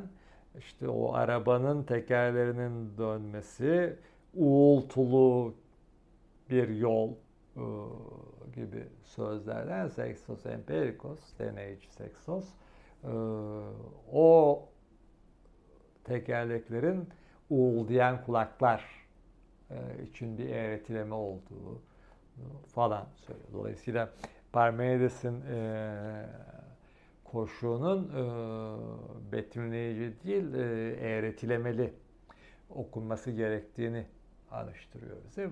Bayağı uzun uzadıya e, tartışıyor. Çok hoş bir bölümdür o e, Sextos'ta. Bunun bir benzeri e, Karl Popper, e, Parmenides'in dünyası e, kitabının sonunda bir ekte yapıyor. Bir varsayım ortaya atıyor. Parmenides'in e, bir ablası olsun. E, bu abla da Parmenides'i bu abla yetiştirmiş olsun e, ana baba olmadığı için bu abla da kör olsun gibi bir varsayımdan Parmenides'i bu durumda nasıl anlayabiliriz?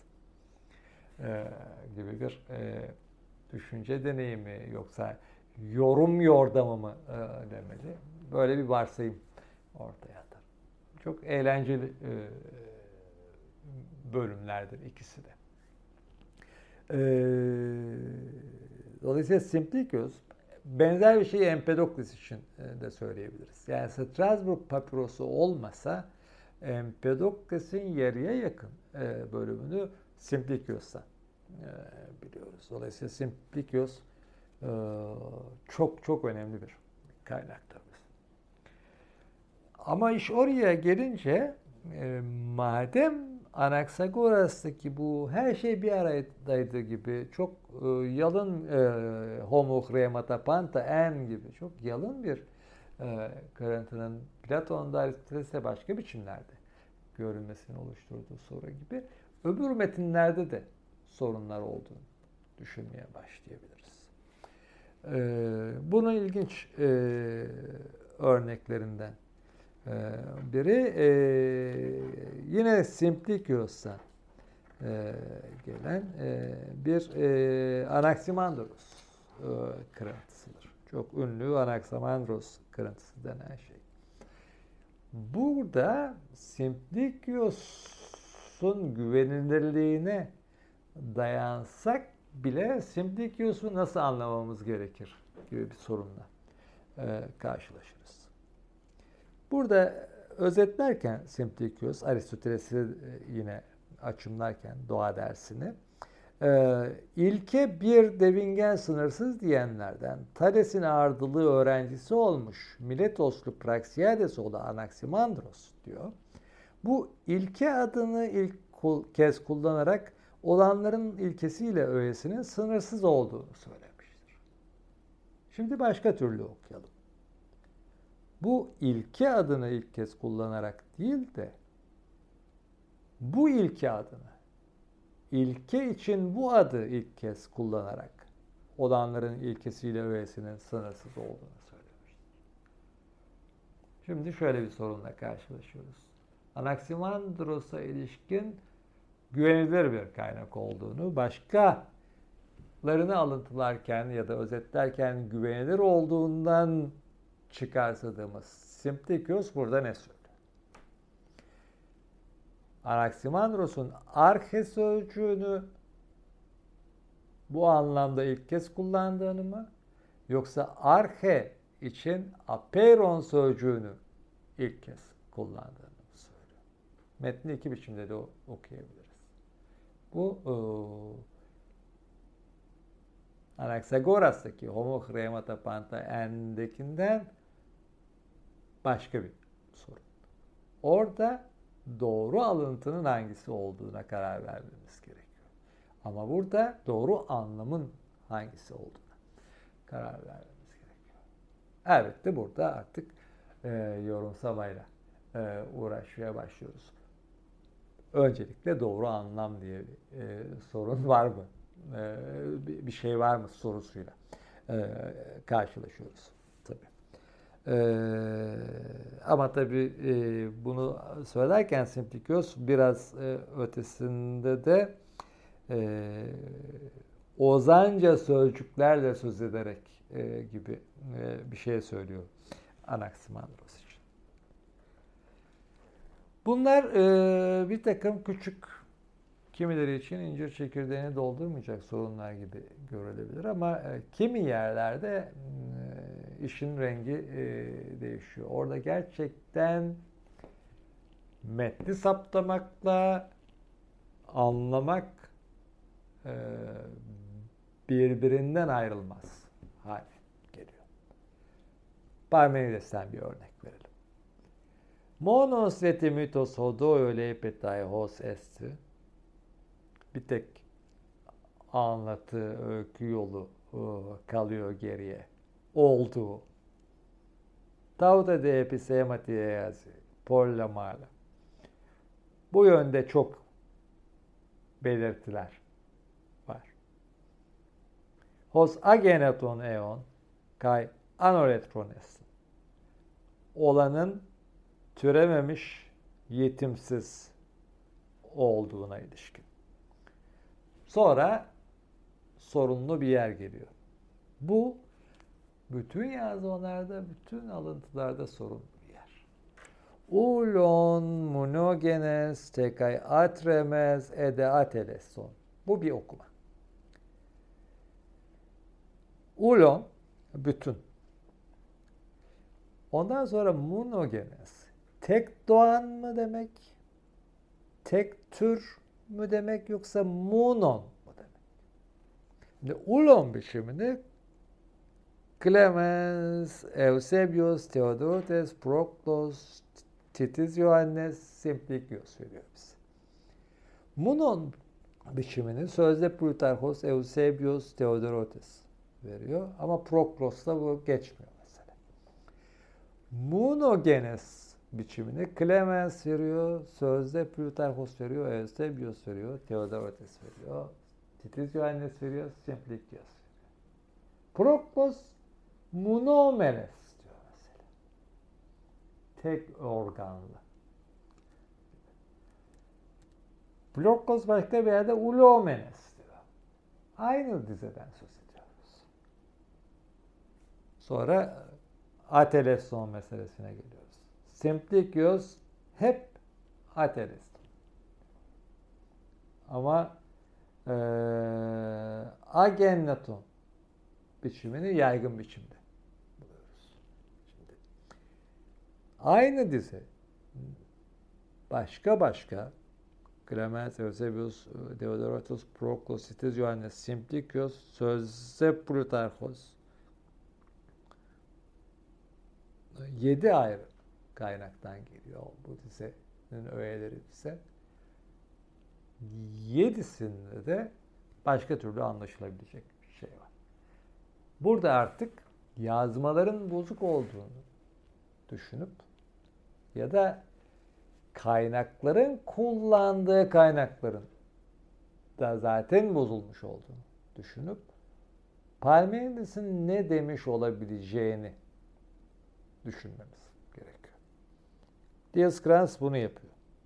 Ulomenes tek organlı, Atremes sarsılmaz, yıkılmaz, Ateleston sonsuz, bitimsiz diyorlar. Leonard Taran ulon bütün monogenes diyor. Tek doğan ya da tek tür. Atremes edetereso. Sarsılmaz hem de sonlu, bitimli. Birbirinin tersi anlamlar. Owen bütün tek tür, türdeş belki, sarsılmaz, yetkin, teleson, ateleson değil, teleon diye. Yani tamamlanmış bütünün bir biçimi olarak anlıyor. Preller bambaşka bir şey yapıyor. Atalanta gibi. Artık oralara ee, girmeyelim. Dolayısıyla doğrudan doğruya Parmenides ne demişti diyor bir sorunla karşılaşıyoruz. Sonra geliyoruz. Parmenides öyle mi demişti, böyle mi demişti? Empedokles öyle mi demişti, böyle mi demişti? Ee, Anaksagoras öyle mi yazmıştı, böyle mi yazmıştı sözlüğünü? Ben bir kere bu düşünce o düşünürün düşüncesi mi? Gibi örnekleri. Örneğimiz Aristoteles. Ee, doğa dersinin başlarında bir yerde ilkenin ya bir ya çok olması gerekir diyor.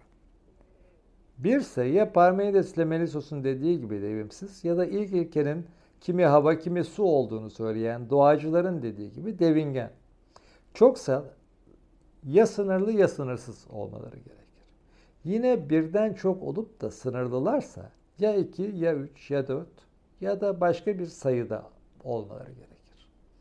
Sınırsızlarsa da ya Demokritos'un dediği gibi cinsçe bir ama biçimce ayrı ya da türce ayrı dahası karşıt olmaları gerekir. Şimdi burada işlerimiz e, karışıyor. Neden?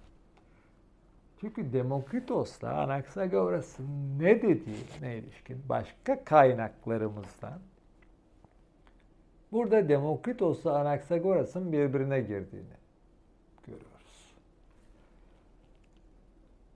Demokritos cinsçe bir ama biçimce ayrı ya da türce ayrı dahası karşıt olmaları gerekir diyemez. Bunun ancak ilk yarısını söyleyebilir. Türdeş, ne anlamda türdeş? Hepsi biçim olma bakımında. Biçim hepsi der Demokritos. Ama biçimleri ayrıdır. Der.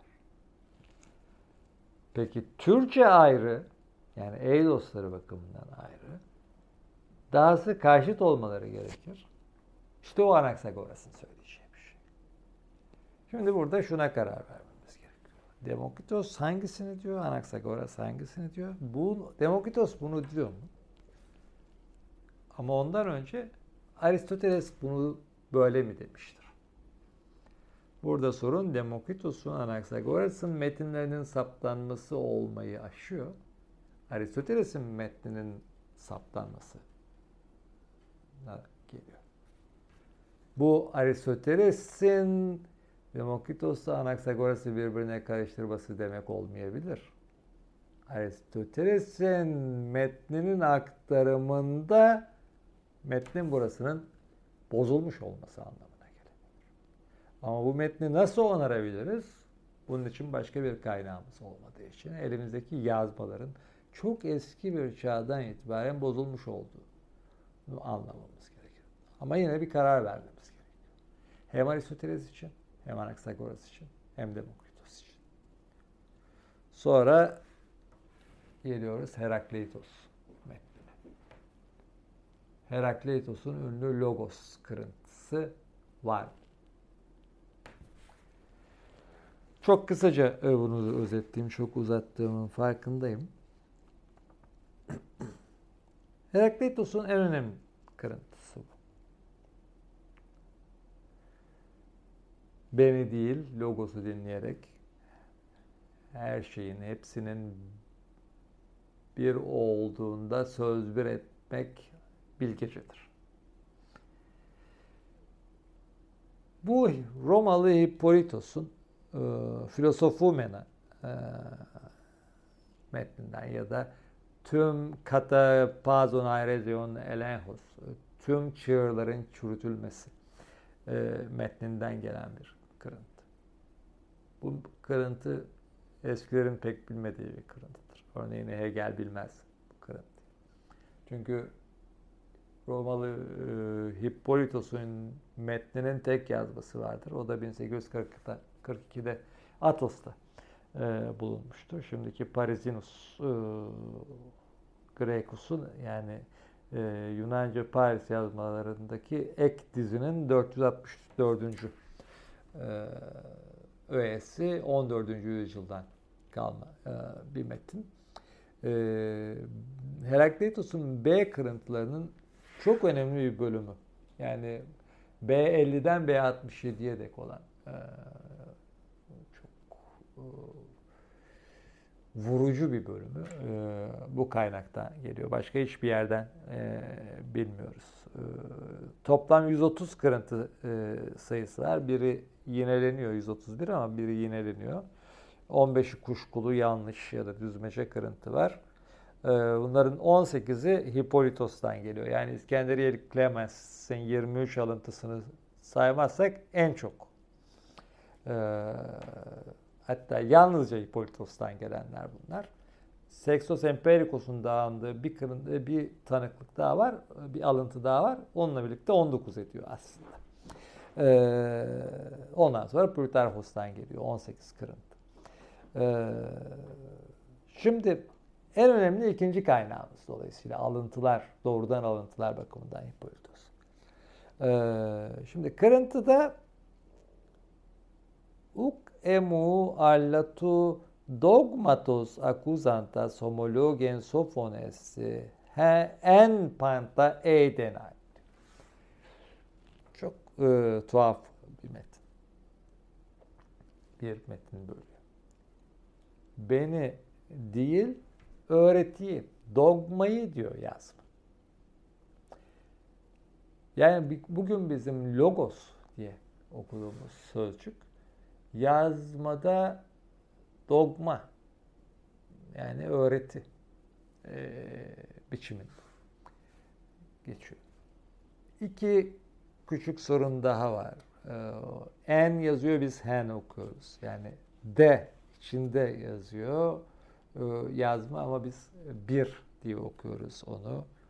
Orada e, Spiritus'un e, yönüyle ilgili bir sürçme söz konusu olabilir. Yazma eydenay, bilmek e, diyor. Biz onu eynay okuyoruz artık. Olmak diye falan filan. Metin düzeltilmiş. Önce e,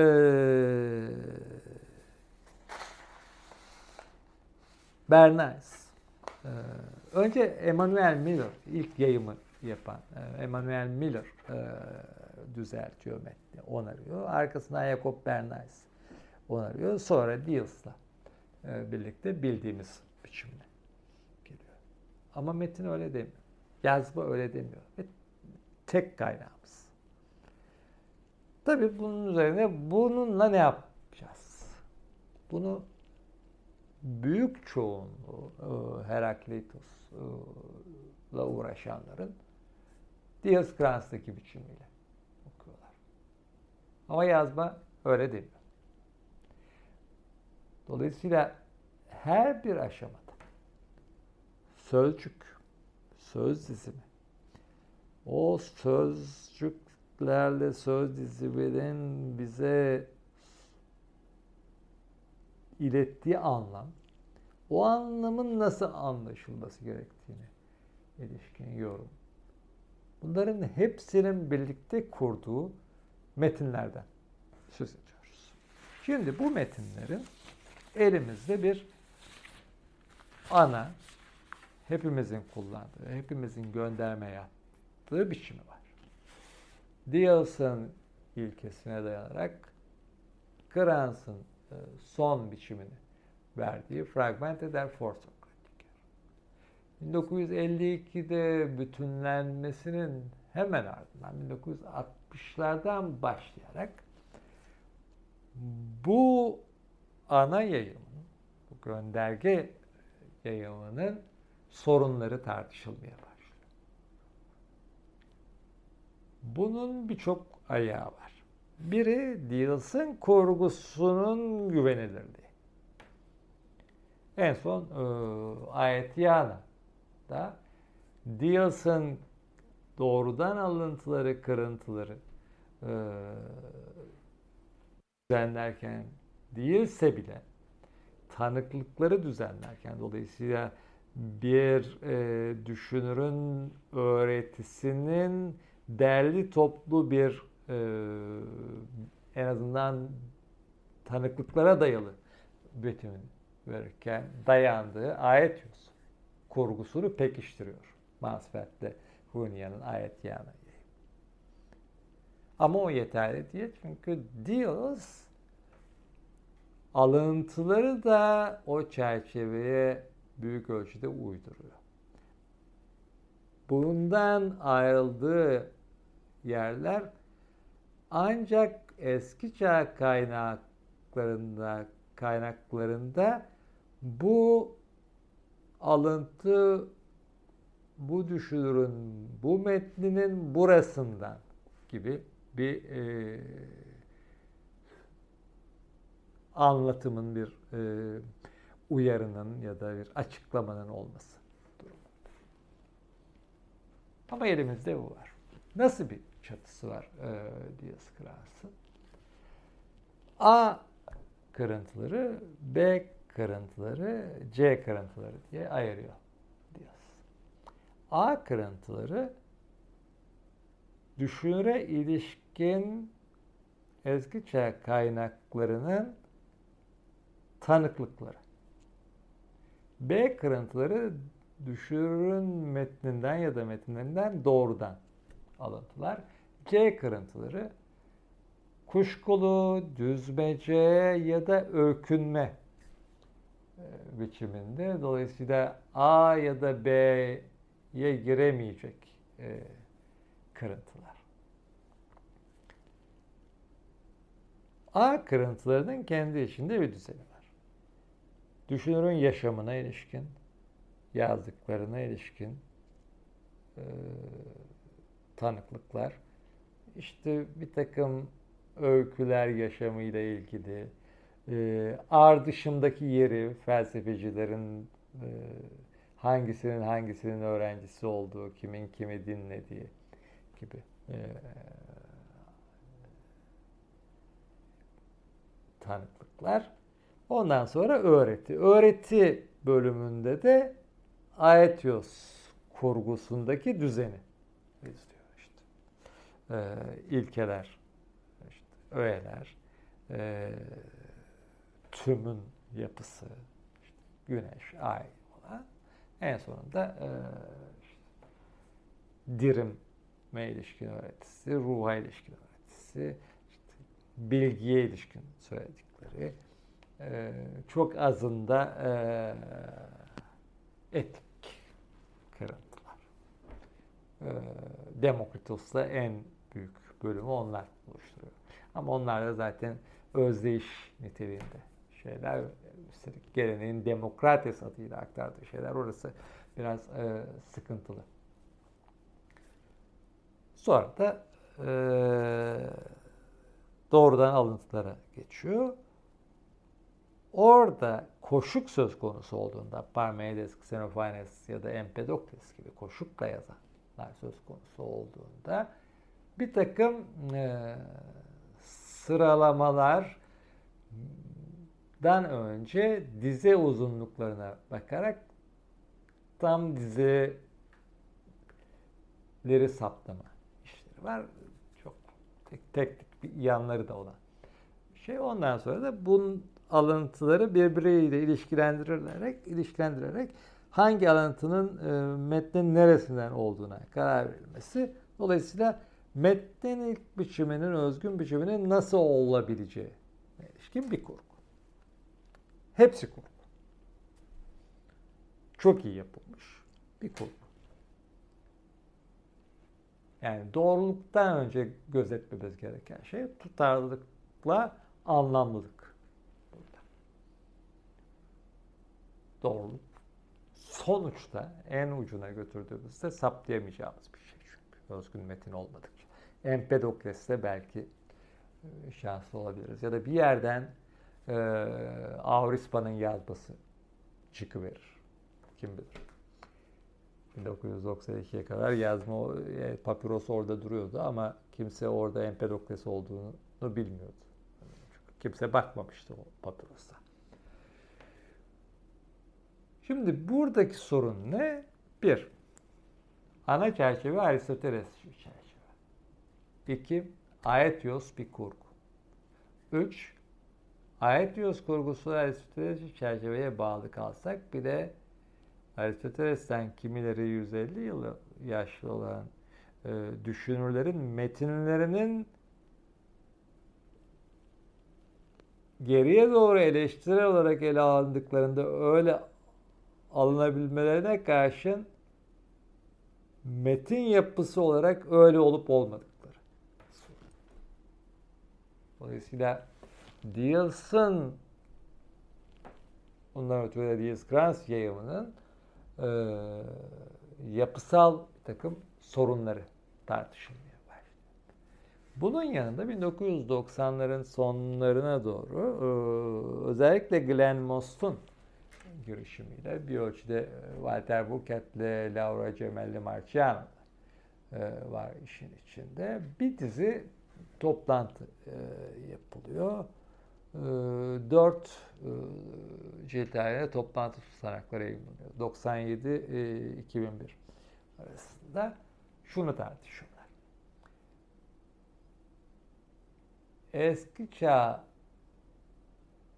felsefecilerinin kırıntılarını yayımlamakta yayımlarken ne gibi ilkeler, ne gibi tutamaklar geçerli olacak. Uzun uzadıya tartışılmış bir şey. Bu tartışma e, yakın zamanda e, Glenn Moss'la Andre Lax'ın yaptığı 9 ciltlik yani e, Amerikan yayımı 9 cilt, Fransız yayımı tek cilt. E, Platon'dan öncekilerin kırıntılarının yeni e, yayımına yataklık ediyor. Onun e, hazırlığını oluşturuyor. Ama yalnızca o değil. Öbür yandan özellikle Andre Lax'ın girişimiyle bir dizi toplantı birkaç e, kitapla Sokrates öncesi felsefe nedir sorusu tartışılmaya başlıyor. Yine 90'ların sonu 2000'lerin e, başında. Dolayısıyla birkaç koldan bir bilgi alanının e, yeniden kurulmasıyla ilgili bir tartışma gündeme geliyor. Bu tartışma bu bilgi alanının nesnesini oluşturan metin dağarı ne yapacağımız ondan sonra da bu metin dağarı üzerine ne yapacağımız. Dolayısıyla bütün e, sorunlar bir e, toplam, kimi durumda karmaşık bir yumak e, olarak e, bir arada tartışılıyor. Buradan e, Andre Lax'la e, Glenn Most'un yayımı çıkıyor. Andre Lax'la Glenn Most'un yayımının belli bir amacı var elbette. Bir kere e, yalnızca uzmanlara değil, genel okura yönelik bir yayın bu. Dolayısıyla da e, eleştirel gereç, yani sayfanın dibindeki o uzmanca e, tartışmalar ya da e, ayırtılar ona yol açacak yazma karşılaştırmaları yok. Lakslavos'ta. Özellikle yapılmış. Çünkü yayımın amacı bu. Yayımın amacı Diels Kras yayımının, gönderge yayımının yerine geçmek değil. Ama e, Diels Kras'takine benzer bir örnekçi kullanıyorlar. Burada Diaskanas'taki gereci ona daha sonra katılan ya da Diaskanas'ın dışladığı ama onların e, katmaya uygun gördüğü gereci yeni bir düzene sokma işi yap yapıyorlar. Kişi öğreti alımlama gibi bir üçlü bölümlemeye. E, dolayısıyla e, bir anlamda Diaskras'ın özgün biçimi yani tanıklıklarda özgün öğretiyi, e, kırıntılarda e, özgün metni yeniden kurma amacından daha ağırlıklı olarak özgün metinle özgün öğretinin nasıl alımlara geldiğine yönelik bir iş yapıyorlar. Dolayısıyla e, Dioscrans'ın e, alımlamayı soyup dışlayarak çekirdeğe doğru giden yolunun yerine e, alımlama öyküsünü de e, görülür hale getiriyorlar. E, tanıklıklarla alıntıların e, kuruluşunda. Ama bunu yaparken e, bölümleme ilkesine çok özen gösterdikleri için şöyle bir e, sonuca yol açıyorlar. Kendi içinde sürekliliği olan bir takım kaynak metinleri parçalıyorlar. Bu Diels'ın da, Diels Grandsier'ın da yaptığı bir şey. Kurgunun çerçevesiyle uydurabilmek için örneğin Diogenes Laertius'taki uzun bir bölümü bu buraya ilişkin, bu buraya ilişkin, bu buraya ilişkin diye parçalıyor Dioscras. Lax Lamost bunu Dioscras'tan daha aşırı bir ölçüde yapıyor.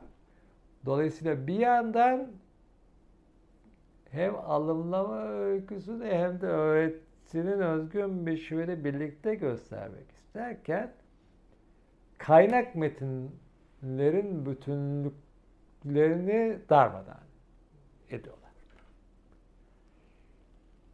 Başka ne yapılabilir? Ee, Lux Lamos yayımıyla neredeyse eş zamanlı yeni bir dizi başladı. Traditio Presocratica. Sokrates öncesi gelenek e, gibi e, bir başlığı olan bir dizi. Georg Wörle e, yayınlanıyor ama e, çok yavaş ilerleyen bir dizi. Burada şöyle bir ülke gözetiliyor. Bir düşünüre ilişkin ne varsa, eski Yunan felsefesinin ilk çağından bir düşünüre ilişkin ne varsa, kaynak metnin yazıldığı tarih sırası içinde ard arda diziliyor. Doğrudan doğruya bir resepsiyon geç, resepsiyons geçti anlama tarihi gibi duruyor. Üstelik e, tarihsel e, dönemi de genişletiyor bu dizi. E, Dioskrans da, e, Laxmos da eski çağ sonunda dururken kaynakları e, özgün kaynak olarak e, alıntılarken Wörle yönetimindeki Traditio Presocratica e, dizisi yeni çağ başına kadar bütün e, tanıklıkları ele alıyor. Dolayısıyla bütün Arap, e, Süryani, Ermeni, e, İbrani tanıklıkları ya da Arapça, Süryanca, Ermenice e, bir iki örnekte Farsça hatta e, kaynakları da işin içine katıyor. Yeni çağ başına kadar. E, yeni çağ işte. E, yeniden doğuş eşiğine kadar diyelim getiriyor.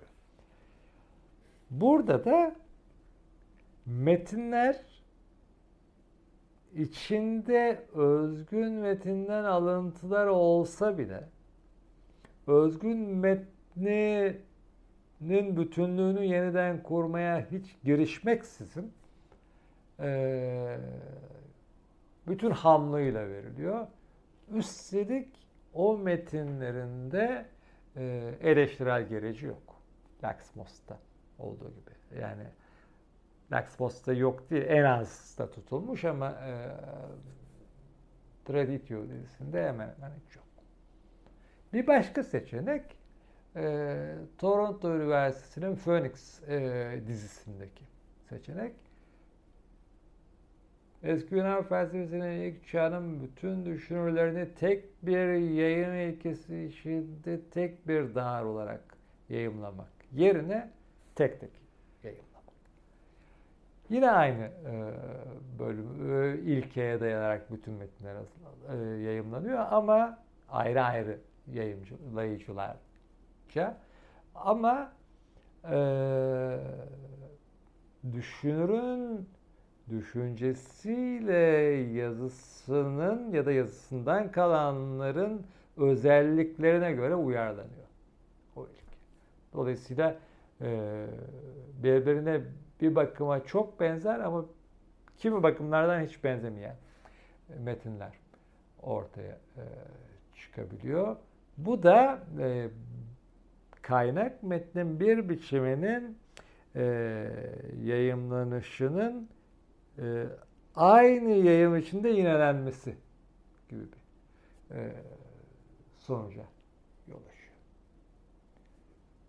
Yani e, Empedokles yayımlıyorsanız e, örneğin Empedokles'in metninin bütünlüğünün kurgusunu çıkarıyorsunuz. Bunu e, ayrı bir bölümde e, kuruyorsunuz ama o da kurduğunuz metinlerin geldiği kaynakları da tanıklıklar olarak tutuyorsunuz.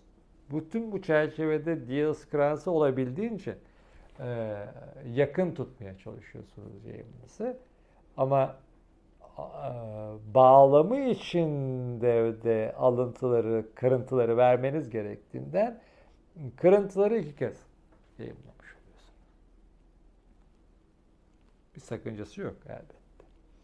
Ama e, sonuç olarak Dioskras'la Laxmos arası bir yol tutturmuş oluyorsunuz. Üstelik bütün e, bir atam öncesi daha tümüyle e, kapsamamış oluyorsunuz. Ancak dizinin bütününde onu yapabiliyorsunuz. Tabi bu arada kimlerin e, bu yayıma alınacağı, kimlerin dışarıda bırakılacağı gibi sorunlar da var. Örneğin Orpheus, Musaios gibi e, Dioscrans'ın kapsadıkları e, 1950'lerin ortasından beri pek orada olmaması gereken e, metinler gibi düşünülüyor. O neredeyse bu e, yerleşik kanı olmuştu. Şimdi bütün bunlardan sonra eski Yunan felsefesinin ilk çağ felsefeden önceki felsefe yine bu e, bütün bu sorunları, bütün bu yayınlama tarihini göz önüne alın, e, alan yeni bir e, düzen gerektiren bir şey. Şöyle bir kurgu tasarlayabiliriz. Yalnızca bunun betimini bile değil, ana düşüncesini e, verip bitireyim. Bu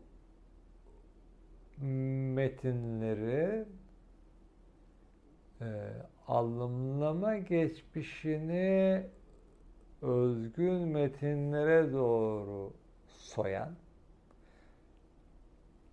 bunu kaynak metinlerin bütünlüğünü bozmadan, kaynak metinlerin bütünlüğünü koruyarak dolayısıyla o kaynak metinlerin bütünlüğünün de alımlama tarihinin yapısını oluşturduğunu göz önüne alan bunu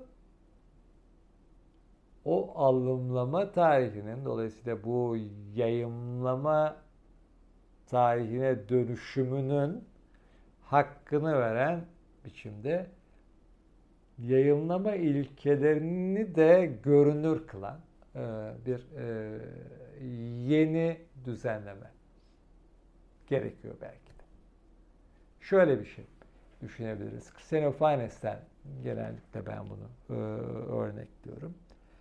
Xenophanes'in özgün metninden alıntıların en iyi yayımı e, ne Dioscras, ne Laxmos, ne e, Traditio dizisindeki yayımı. Elimizdeki en iyi e, eleştirel yayım Gentili Prato yayım. Ama elimizdeki en geniş dar Ströben, Traditio. Felsefece yorumlama biçimi dolayısıyla öbür düşünürlerle ilişkilendirme biçimi yönünden bakarsak bize en iyi çerçeveyi sunan yine de Dioscras. Şimdi bütün bunları bir araya getirdiğimizde Diaz Kranz Laxmos yayımında e, sorunlu olan ama Ströbel e, yayımında da yalnızca ham biçimi olan metinlerin bütünlüğünü koruyarak, kaynak metinlerin bütünlüğünü koruyarak Diaz Kranz'daki düzene benzer biçimde örneğin Diogenes Laertios'un kendi bütünlüğünde ardışık olarak e, saydığı e, bilgileri, sıraladığı bilgileri başka kaynaklardaki biçimleriyle ilişkilendirmek üzere Diogenes Laertios'un bütünlüğünü koruyan ardına Diogenes Laertios'taki konu sırasıyla oradaki konulara ilişkin bütün tanıklıkları dizen ama en sonunda özgün metnin kendisini de e, ayrıca kurmayı deneyen bir metin. Yani Ströbel, Dieskras, Lex Most'un birlikte yeniden kurulmuş bir biçimi. Artı elimizdeki en iyi e, özgün metin kurgusu. Dolayısıyla bütün kurguların hesaba katıldığı bir üst kurgu. Ee,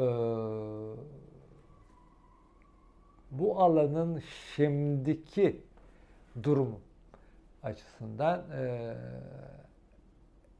bir sonraki adımı düşününce dek en iyi e, seçenekmiş e, gibi duruyor. Umarım yapabiliriz. Dinlediğiniz için sağ olun.